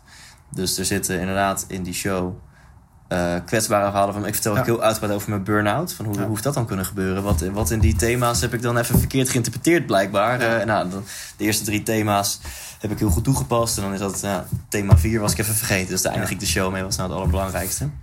Maar even Ja. om het bij ja, zuster, nee, zuster te laten. Het is uit het leven gegrepen. Oh, ja. Ja. Uit het leven gegrepen. Ja. Eh, het is ook allemaal waar. Dat, dat is soms, eh, is het echt waar dat je dat, dat gebeurde of dat toen dit? Ja, het is allemaal waar. En is die waarachtigheid dan ook...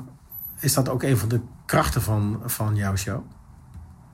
Ja, ja ik denk, ik denk het wel. De werkelijkheid daarvan? Ik denk ook dat ik niet de grappigste spreker ben. Ik ben misschien niet de meest inspirerende spreker. Ik ben ook niet de beste drummer. Eh, dat soort je dingen. moet jezelf niet af... Maar- eh, Nee, dat moet ik niet maar zeggen tegen je. maar dat kan, door een twist kan het heel inspirerend. Maar bij elkaar, eh, maar, maar mijn, mijn Zone of Genius is wel een bepaalde energie neerzetten. Ja. En mijn, mijn, dat is mijn product. Ik, ik verkoop positieve energie en misschien wel een magische sfeer. Waardoor mensen dingen gaan leren, maar ook dingen gaan ontdekken over zichzelf die ze anders niet ontdekt zouden hebben. Dus ik heb wel iets ontwapenends. En, en dat het allemaal waar gebeurd is, maakt samen met mijn energie, dat het een hele ontwapenende feel-good avond is. Ja. En wanneer is het voor jou geslaagd? Wanneer, maar ik kan me voorstellen dat een, een zaal in Zandam anders reageert dan een zaal in, Ja. in Nijkerkerveen. En een zaal in Zwolle anders reageert dan een zaal in Breda. Ehm, wanneer is het voor jou dan geslaagd? Ik vind de leukste avonden wanneer er verbinding is. Dus, dus de, de, de, de, hè, de, de vierde wand, of zo heet het dan. Die, die eh, ik wist niet eens dat dat een term was, dat leerde iemand mij laatst. Theaterterm. Ja, theaterterm. Nou goed, dus voor zover. De vierde wand, oké. Ja, dat is dan dus tussen. En je, Dat is de wand, de onzichtbare wand tussen jou en het publiek. Ja, ja. ja. Die, eh, ik wist dus niet eens dat die bestond. En, en zo, nou, dat ik niet weet dat die bestaat, dat merk je ook als je naar mijn show komt. Dus het is echt een wijgevoel. Dus de, de avonden waarbij die verbinding extra is tussen mij en de zaal. Dat ik echt het idee heb van, hé, hey, wij hebben een toffe avond gecreëerd. En dat, Dat- is op heden nog altijd gebeurd. Eh, nee, nee, niet altijd. De ene keer meer dan de andere keer. Ja. Dus de avonden dat dat extra lukt, dat zijn de mooiste avonden. Ja. Ja. En dan, ja, dus dat, dat, dat. Dus mijn doel is dat mensen energie hebben en tot nadenken zijn. ge- Gewoon een leuke avond hebben gehad en tot nadenken zijn gezet. En, en wat voor mij echt een cherry on the cake is, als, als we echt een magische avond hebben gecreëerd door, door het echt samen te doen. Betekent dat ook dat jij na de show altijd nog in de foyer komt om met mensen te praten? Ja, altijd. Ja? Ja. Dat lijkt me dan bijna een logisch gevolg van de Ja. wens die jij hebt Ja. met jouw show. Ja, Want jij haalt volgens mij gewoon direct feedback bij die mensen. ja absoluut. En, en eh, het zijn nog. Bij de komende tour zal het anders zijn, omdat de promotiekanalen iets anders lopen. Maar tot nu toe was 100% podcastluisteraar in mijn zalen. Dus dat is ook mijn enige interactiemoment Ja. met mijn luisteraar, mijn fan. En ben je, en ben je ook eh, ben je nooit bang dat iemand eh, zegt: Ik vind het heel erg tegenvallen? Vind het eigenlijk niet zo goed. Of eh, het heeft me niet geraakt. Of je daar, eh, eh, heb je dat gerealiseerd dat dat ook kon gebeuren? Ja, natuurlijk gebeurt dat. Ehm, ja, dan kom je echt op het puntje ook omgaan met kritiek. Dus ik, ten eerste, ik krijg niet zoveel kritiek, dus dat is fijn. Ehm, en, en denk, maar goed, het moet nog maar blijken als ik een keer echt een, negatieve recensie krijg of een keer echt eh, haatmail of zo. Maar ik, ik denk dat ik mezelf er redelijk goed tegen gewapend, omdat ik gewoon best wel veel van psychologie af weet. En het is allemaal projectie, weet je wel. Je kan, Jan Dino wist het heel mooi te verwoorden. Je kan alleen een vijand van buiten hebben als er een vijand van binnen is. Dus als mensen op mij gaan lopen zeiken, dan heeft het, zegt dat iets over hun. Hè? Dan, dan, en, Ja, dus- ik bedoel, ik bedoel had je je van tevoren gerealiseerd dat dat ook kon gebeuren? Hè? Dus heb nee, je daarover nee, nee, nee, dat, dat, dat, nee, ja. je, je hebt vrij impulsief steeds gehandeld hè, met alles Ja. wat je hebt gedaan in het verleden. Je hebt, je hebt eerst een theater geboekt en dat, je bent daarna pas na gaan denken... Goh, wat ga ik er dan Nee, bij oké, vertellen? ja, oké. ik zit nu, uiteindelijk wel, want omdat die, omdat die show 2,5 jaar stof heeft staan happen, toen was ik poep onzeker. Daarom heb ik ook met die Ja. regisseur gewerkt. En ik zei letterlijk toen, en dat was echt een kwartier voor de avond van de try-out, van ik heb geen, vertel mij, is dit een 4? Is dit een 6? Is het een 8? Is het een 9? Geen echt, dus geen flauw, ben- oprecht geen idee of het een zware, onvoldoende of een voldoende of uitmuntende show is. Dus ja, gaan- gewoon maar gaan doen. En natuurlijk ook dat drummen, heel lang heb ik daar over beperkende overtuiging over gehad. Maar wie zit nou te wachten op een drummer? Weet je, kijk, een, een, een piano en een gitaar, dat heeft melodie. Die, ja. Ik moet achter de schermen me voorbereiden door muziek waar wel melodie in zit, achter elkaar te zetten. Om daar soort van mashups, medleys van te maken. En vervolgens keer ik een context en ga ik meelopen drummen met, met, met zo'n medley. Maar je zingt niet. Ik zing niet. Ik kan helemaal niet zingen. Dus ik zing ook niet. De zaal zingt, ik niet. Weet je wel? En dan ook, ja, word je soms s'nachts wakker. Ik ben toch, ik ben toch knettergek. Dit is, bestaat dit? Ga je googlen? Nee, volgens mij doet niemand dit. Weet je wel? Maar ja, ik stond eh, twee weken geleden in de AFAS Live voor een event. Mocht ik voor 3400 mensen mocht ik afsluiten met een van mijn medleys. En het dak ging eraf. Weet je wel? Dus eh, ja, ik, maar ik ben vaak genoeg onzeker geweest. Hoeveel shows ga je nu trouwens doen? 12. 12 provincietour. Twaalf. Dus je doet in elke provincie echt één, Ja. één show. Ja. En dat is dus eh, in feite de voorbereiding naar je twee... Of, nou ja, of de afsluiting van je, van je volwaardige tour, eerste tour. Maar tevens de voorbereiding voor tour 2. Je tweede show. Ja, en wat ik extra doen bij deze tour, is misschien leuk voor het artikel. Het is natuurlijk niet zomaar een 12 provincie tour. Waarom doen we dat? Ehm, niet alleen omdat het een mooi aantal is, maar ook omdat ik het nu leuk vind om in elke provincie het gesprek met de zaal aan te gaan over hoe denken jullie over geluk. Hè, maakt geld gelukkig, maakt trouwen gelukkig, Of gaat het meer om vriendschappen eh, of vrije tijd? Ja. Dus ik wil per. eh, ja, dus eigenlijk, ik sta in elke provincie sta ik voor, voor een zaal van 100 tot eh, 300 eh, mensen. En zie ik die mensen als een benchmark voor hun provincie. Ja. Hoe denkt Zeeland over geluk? Hoe denkt Groningen over geluk? Hoe denkt Noord-Holland over geluk? En dat vind ik wel leuk om, om daar dan dus ook een soort van praktijkonderzoekje Ja. van te maken. En ehm,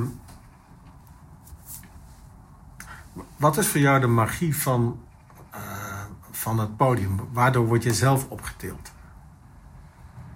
Ver- verbinding is wat het eerste in me opkomt. Dus, Ja. dus eh, Dus toch die interactie met, met de zaal. Ja, en mezelf. Dus, dus in ieder geval de verbinding met mezelf en de zaal. Dat, dat vind ik dus prachtig. Ik denk, het, het leven is heel mooi als je in verbinding kunt zijn. En om, om de verbinding met anderen aan te gaan, moet je in verbinding met jezelf zijn.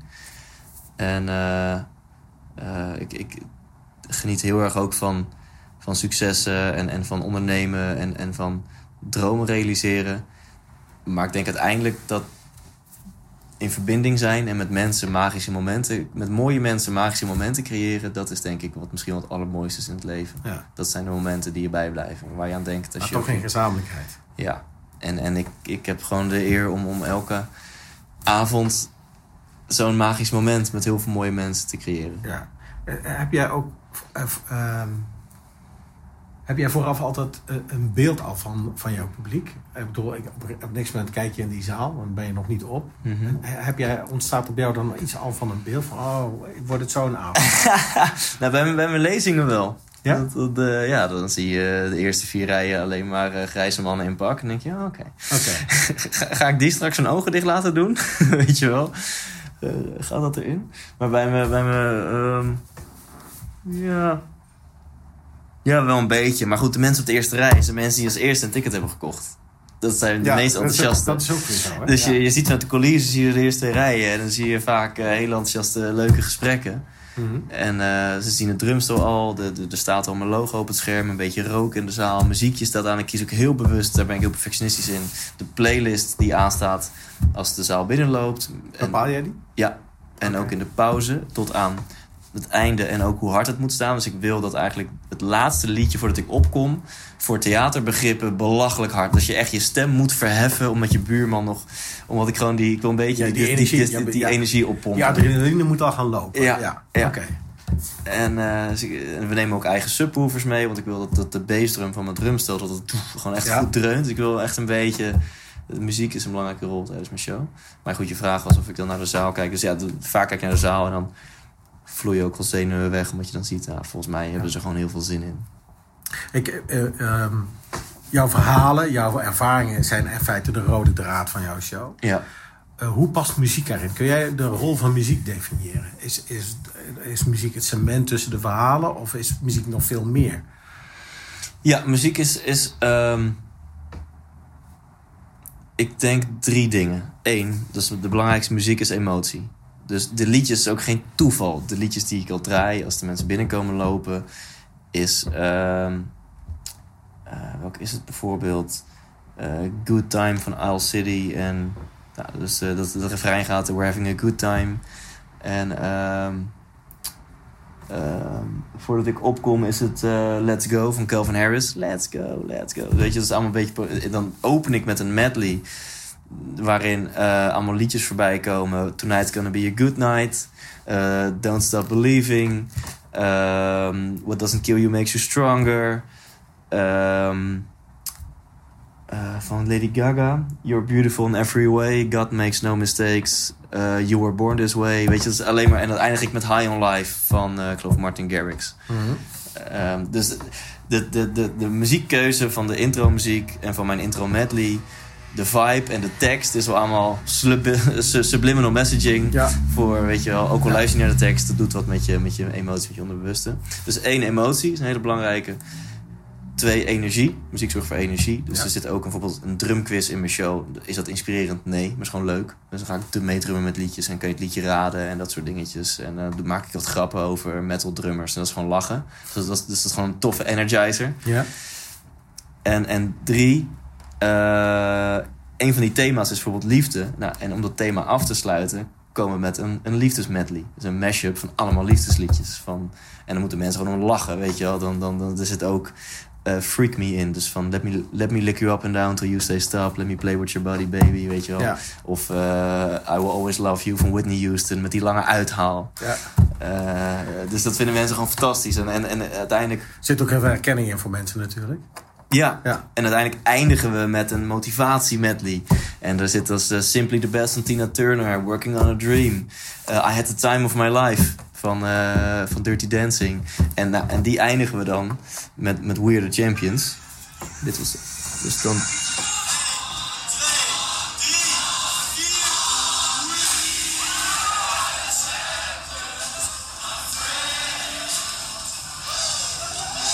Welk theater is dit? Dit is in Hout, het theater aan de slinger. Ah, oké. Houten. Dus als je het hebt over eerst een feel-good avond. Ja. Weet je wel, zo eh, gaan mensen naar huis.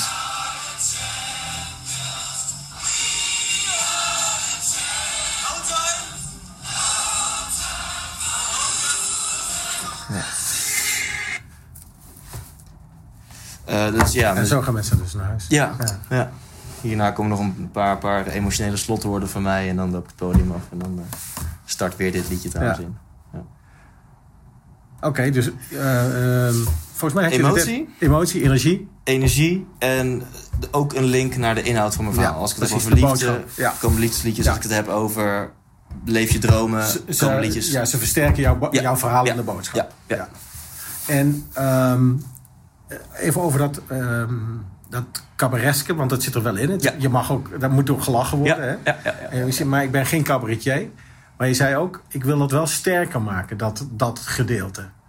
Eh, is dat nu al, ben je daar nu al aan? Ik, ik heb een, eh, ja, dus dat, is, dat zie je ook weer mijn drive in. Ik heb net een, eh, een, cursus stand-up comedy afgerond. oh, Ik echt? denk van, daar moet ik Oké. beter in worden. Daar ga ik Daar, een daar kun cursus je ook in een doen. cursus in volgen? Ja, Oh, dat ik wist ik ja, niet. heb, ja, eh, met een eindoptreden. Dus ik heb al mijn eerste 12 minuten Je stand-up hebt ook comedy. naartoe eh, gestaan. nee, dat was in Comedy Café, Comedy Huis in Utrecht. Oh, in Utrecht. Ja. Ja. Ja, dus dat, dat, dat Maar dat is ook scary. Ja, ja, dat vond ik super eng. Ja. Want daar is de interactie nog directer. Ja. Want als er niet gelachen wordt, is het niet goed. Nee, en wat wel zo is, het is dan een avond waar bekend is... dit zijn allemaal mensen die net hun comedycursus hebben Ja. afgerond... dus het publiek is wel poeslief voor je. Oké. Eh, maar het is, het is super... Trouw ik, trouw jij? Het is, het is eh, super, eh, super leerzaam. Ja. Oké, maar gaan we, mensen, gaan we nog iets daarvan merken? Van, Oh, ja, ja, want voor, je- maar, omdat je zelf aangaf, daar wil ik sterker in. ja, dat- ja, ik, ik denk dat voor het artikel dit niet echt... Oké. Hè, want dan is het, is het relevant als je zegt... ik moest werken aan mijn grappen, dus ik heb nu een comedycursus gedaan. Dus dan gaan Nee. mensen misschien alleen maar denken... oh, dus je bent eigenlijk niet grappig. Nee, maar wat wel Dus belangrijk is voor het verhaal, denk ik, is voor dat artikel, is dat het, dat het ook... La, er Ja. zit ook Ja, cabaret, dus dan- cabaretesk Ik vertel in het thema liefde, Ja. om daar dan weer bij dan vertel ik een verhaal van hoe ik vroeger eh, eh, versierboekjes eh, ging lezen. En eh, zoals ik dus hè, laat, op latere leeftijd stappenplannen ben gaan ontdekken voor geluk en succes, was ik toen de stappenplannen aan het ontdekken van hoe kan je een vrouw versieren. Dus je hebt ook openingszinnen en zo Ja, openingszinnen na. En eh, ik neem mezelf super eh, belachelijk. Of ik, ik neem heel, heel veel zelfspot. Ik neem mezelf niet serieus. En dan vertel ik eens over hoe ik dat helemaal uit mijn hoofd was gaan leren. Van oké, je moet eerst een set openen. En dan moet je je target moet je neggen. En dan moet je haar isolaten. En dan moet je het aantal indicators of interest stellen. En dan mag je de hand pakken. En dan ga je echt zo. En Key performance indicators benoemen. ja, nou, ja, precies. Ik leg ook al die termen uit en zo. En dan, hoe ik dan uiteindelijk een date... eh, het lukte mij nooit om te zoenen. Dan, dan heb, had je een leuke date en je ziet... Van, nou, ze vindt me leuk genoeg, ik mag er zoenen. Eh, maar ja, dan moet je nog even een goed, goed moment daar. En dat durfde ik nooit. en, ik kreeg een, en als je dat vier dates op rij niet durft... dan krijg je te horen van... ik vind je zo'n leuke jongen, je bent een soort van broer voor me. Weet je wel? Dat is niet waar je nou Nee, nee. Dan, dus dan, nou, dan vertel ik dan dus hoe ik dus letterlijk aan het einde van een date op Amsterdam Centraal sta. En dan gewoon een stappenplan uit mijn hoofd heb geleerd. En, en, en haar vraag om haar handen op die van mij te leggen. En dan gingen we een soort van eh high five en half dansen op het perron. Om dan uiteindelijk nog drie vragen te stellen en er dan te zoenen. En dan haal ik iemand uit de zaal om dat mij voor te doen. Eh, eh, nou ja, dus en dit. En daarna Je vraagt een vrijwilliger.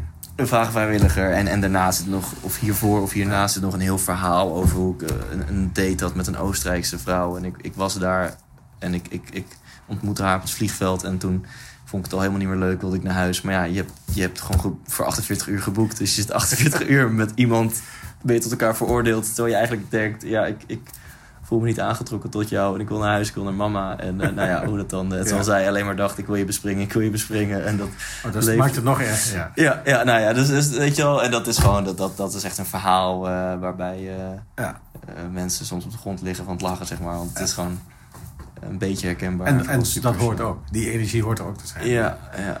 Hey, en ehm, hoe zie jij zeg maar, de aanstaande, die, zeg maar die 12 provinciën tour als eh, welke stap van je carrière als performer is dit? Want eh, dan kom ik toch weer uit naar die droom.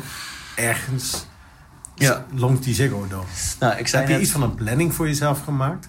Nou, daar kan ik wel iets over vertellen. Kijk, ik zei net al, de zalen zijn variëren van 100 tot... Of eigenlijk ben ik dan bescheiden, de meeste tussen de 200 en 350.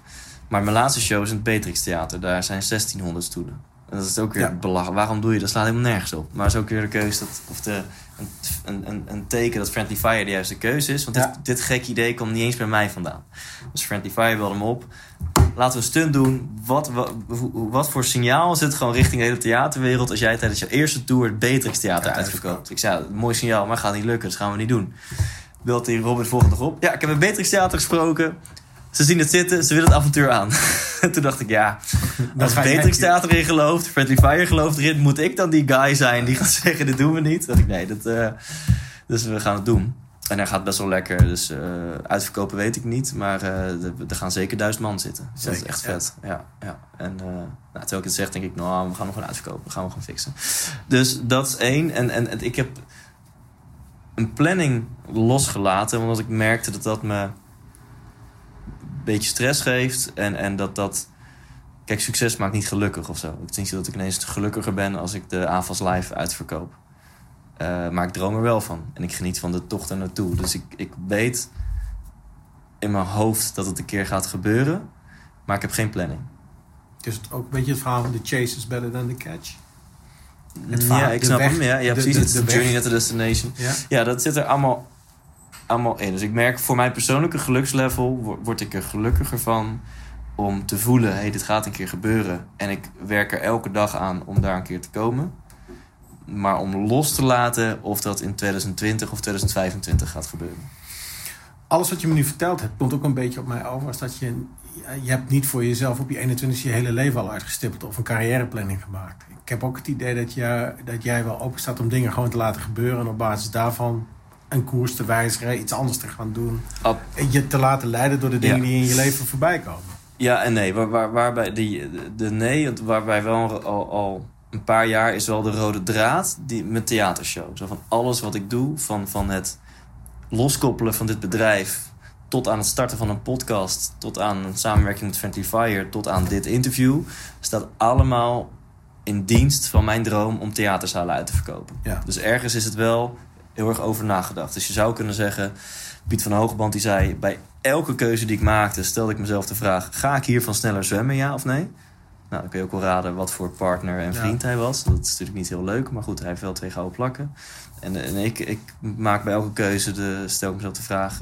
draagt dit bij aan uitverkochte theaters? Maar, maar dat doel is heel En- herkenbaar. Hè? Een Olympische gouden medaille. Daar Ja. kun je naartoe werken. Er zit een jaartal op, een maand. Ja. Hij weet precies op woensdagochtend 10 uur is die finale. Ja, 100 meter vrij. ja, ja. En, da- en dat is nu nog vier jaar daar naartoe. Maar daar zal ik zwemmen en die gouden plak pakken. Maar dat, ik merk, ik, Ja. misschien heb je het wel, maar Ja, dat- ik ben misschien ook te bescheiden. Ik vind het voor mezelf vind ik het zo logisch dat je een haarscherpe focus hebt. Dat ik zeg, nou, volgens mij heb ik niet echt focus. Maar ik vind het. Dus ik heb een haarscherpe focus, maar niet per se met een jaartal. Dus ik heb nu een haarscherpe focus dat ik komende tijd wil ik meer op tv komen. Niet omdat ik à la Brit Dekker beroemd wil zijn, maar ik wil. Dus podcast heeft me gebracht tot waar ik nu ben. Maar een podcast gaat me niet brengen naar Ja. de grote zalen. De 800, 900.000 man zalen in Nederland uitverkopen. Daarvoor heb je weer next level nodig. En daarom wil ik, werk ik nu met een management samen. Nou, de gasten die, die Ja. je kent. Om, om vaker op landelijke media te komen. In Precies, schrift, op de radio en op tv. Zodat ik bij mijn tour volgend theaterseizoen 2020-2021 niet 12 shows doe in de kleine zalen. Maar misschien wel 20 shows doe in de middelgrote zalen. maar wat, wat is de drive erachter? Is het omdat jij gewoon meer mensen wil bereiken? Of is het gewoon nog gaver om gewoon in een groter podium te staan. Waarom wil je op tv? Waarom, waarom wil je dat? Nou, ik, ik, wil, niet- ik, ik, wil, ik wil volle theaters en tv is dan een middel. Dus dat, ik denk dat ik dat ook helemaal niet zo leuk ga vinden. Dus dat ik tv vooral ga zien als van, nou, dit is gewoon belangrijk om... Maar als je een theatershow opnemen en die op tv wordt uitgezonden, zit je, je ook op tv. Ja, ja. En dan, dan ben ik blij omdat ik dan denk, oh, dit gaat tickets opleveren voor mijn volgende tour. Ja. Eh, dus ik, ik wil die theaters vullen. En ehm, Maar dan heb je toch een zendingsdrang. ja. Ja, ja, leg je. Ik, ik, ik, kan me, weet je waar ik dus echt van droom, los van een keer een AFAS uitverkopen, is dat ik, net als de grote jongens, gewoon een, een, een, een tourschema heb van 60 shows in de grote schouwburgen. Ja. Weet je wel? Gewoon 60 shows en dat er overal uitverkocht achter staat. En dat je, de- weet je wel, nu, ik, ik, ik leef hier al een, half jaar naartoe, maar straks binnen twee weken is het klaar.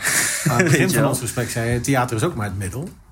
Ik, het theater is gewoon de mooiste plek om te staan. Ja. Omdat je daar een directe interactie met je publiek hebt. En toevallig zien die er het beste uit. Ja. En zijn die het best goedieerd om mijn verhaal tot z'n Ja. recht te laten komen. Ja.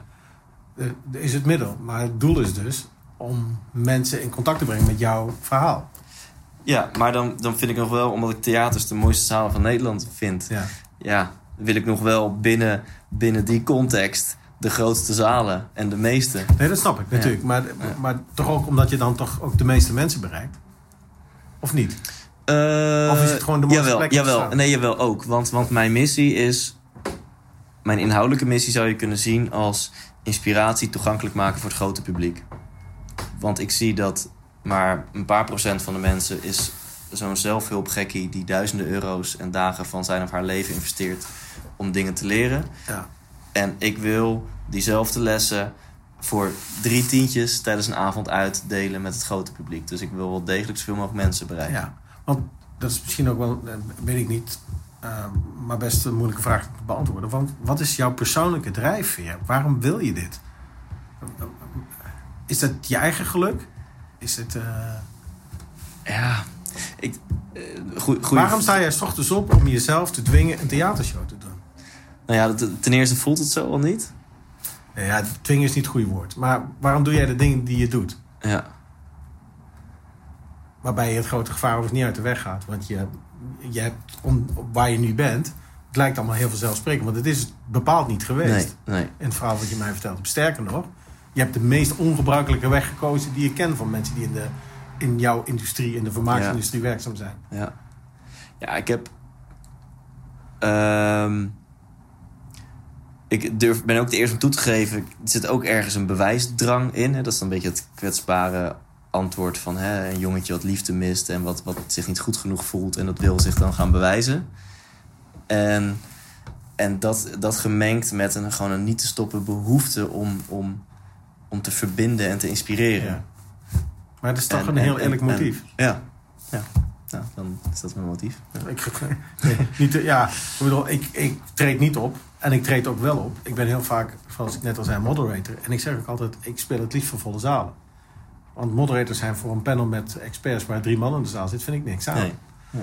En, en dat heeft denk ik ook met hetzelfde te maken, met verbinden te maken. Omdat je hoopt Ja, dat, dat, ja. dat je kunt inspireren en dat je mensen in de zaal na een uur naar, naar zeggen van nou, dat vond ik leerzaam, of ik vond het Ja. nuttig, of ik vond het inspirerend, of whatever. Of ik heb er veel van opgestoken. En voor mij komt dus echt alles samen. Hè? Dus ik, ik vind het gewoon voor mijn eigen geluk, voor mijn eigen.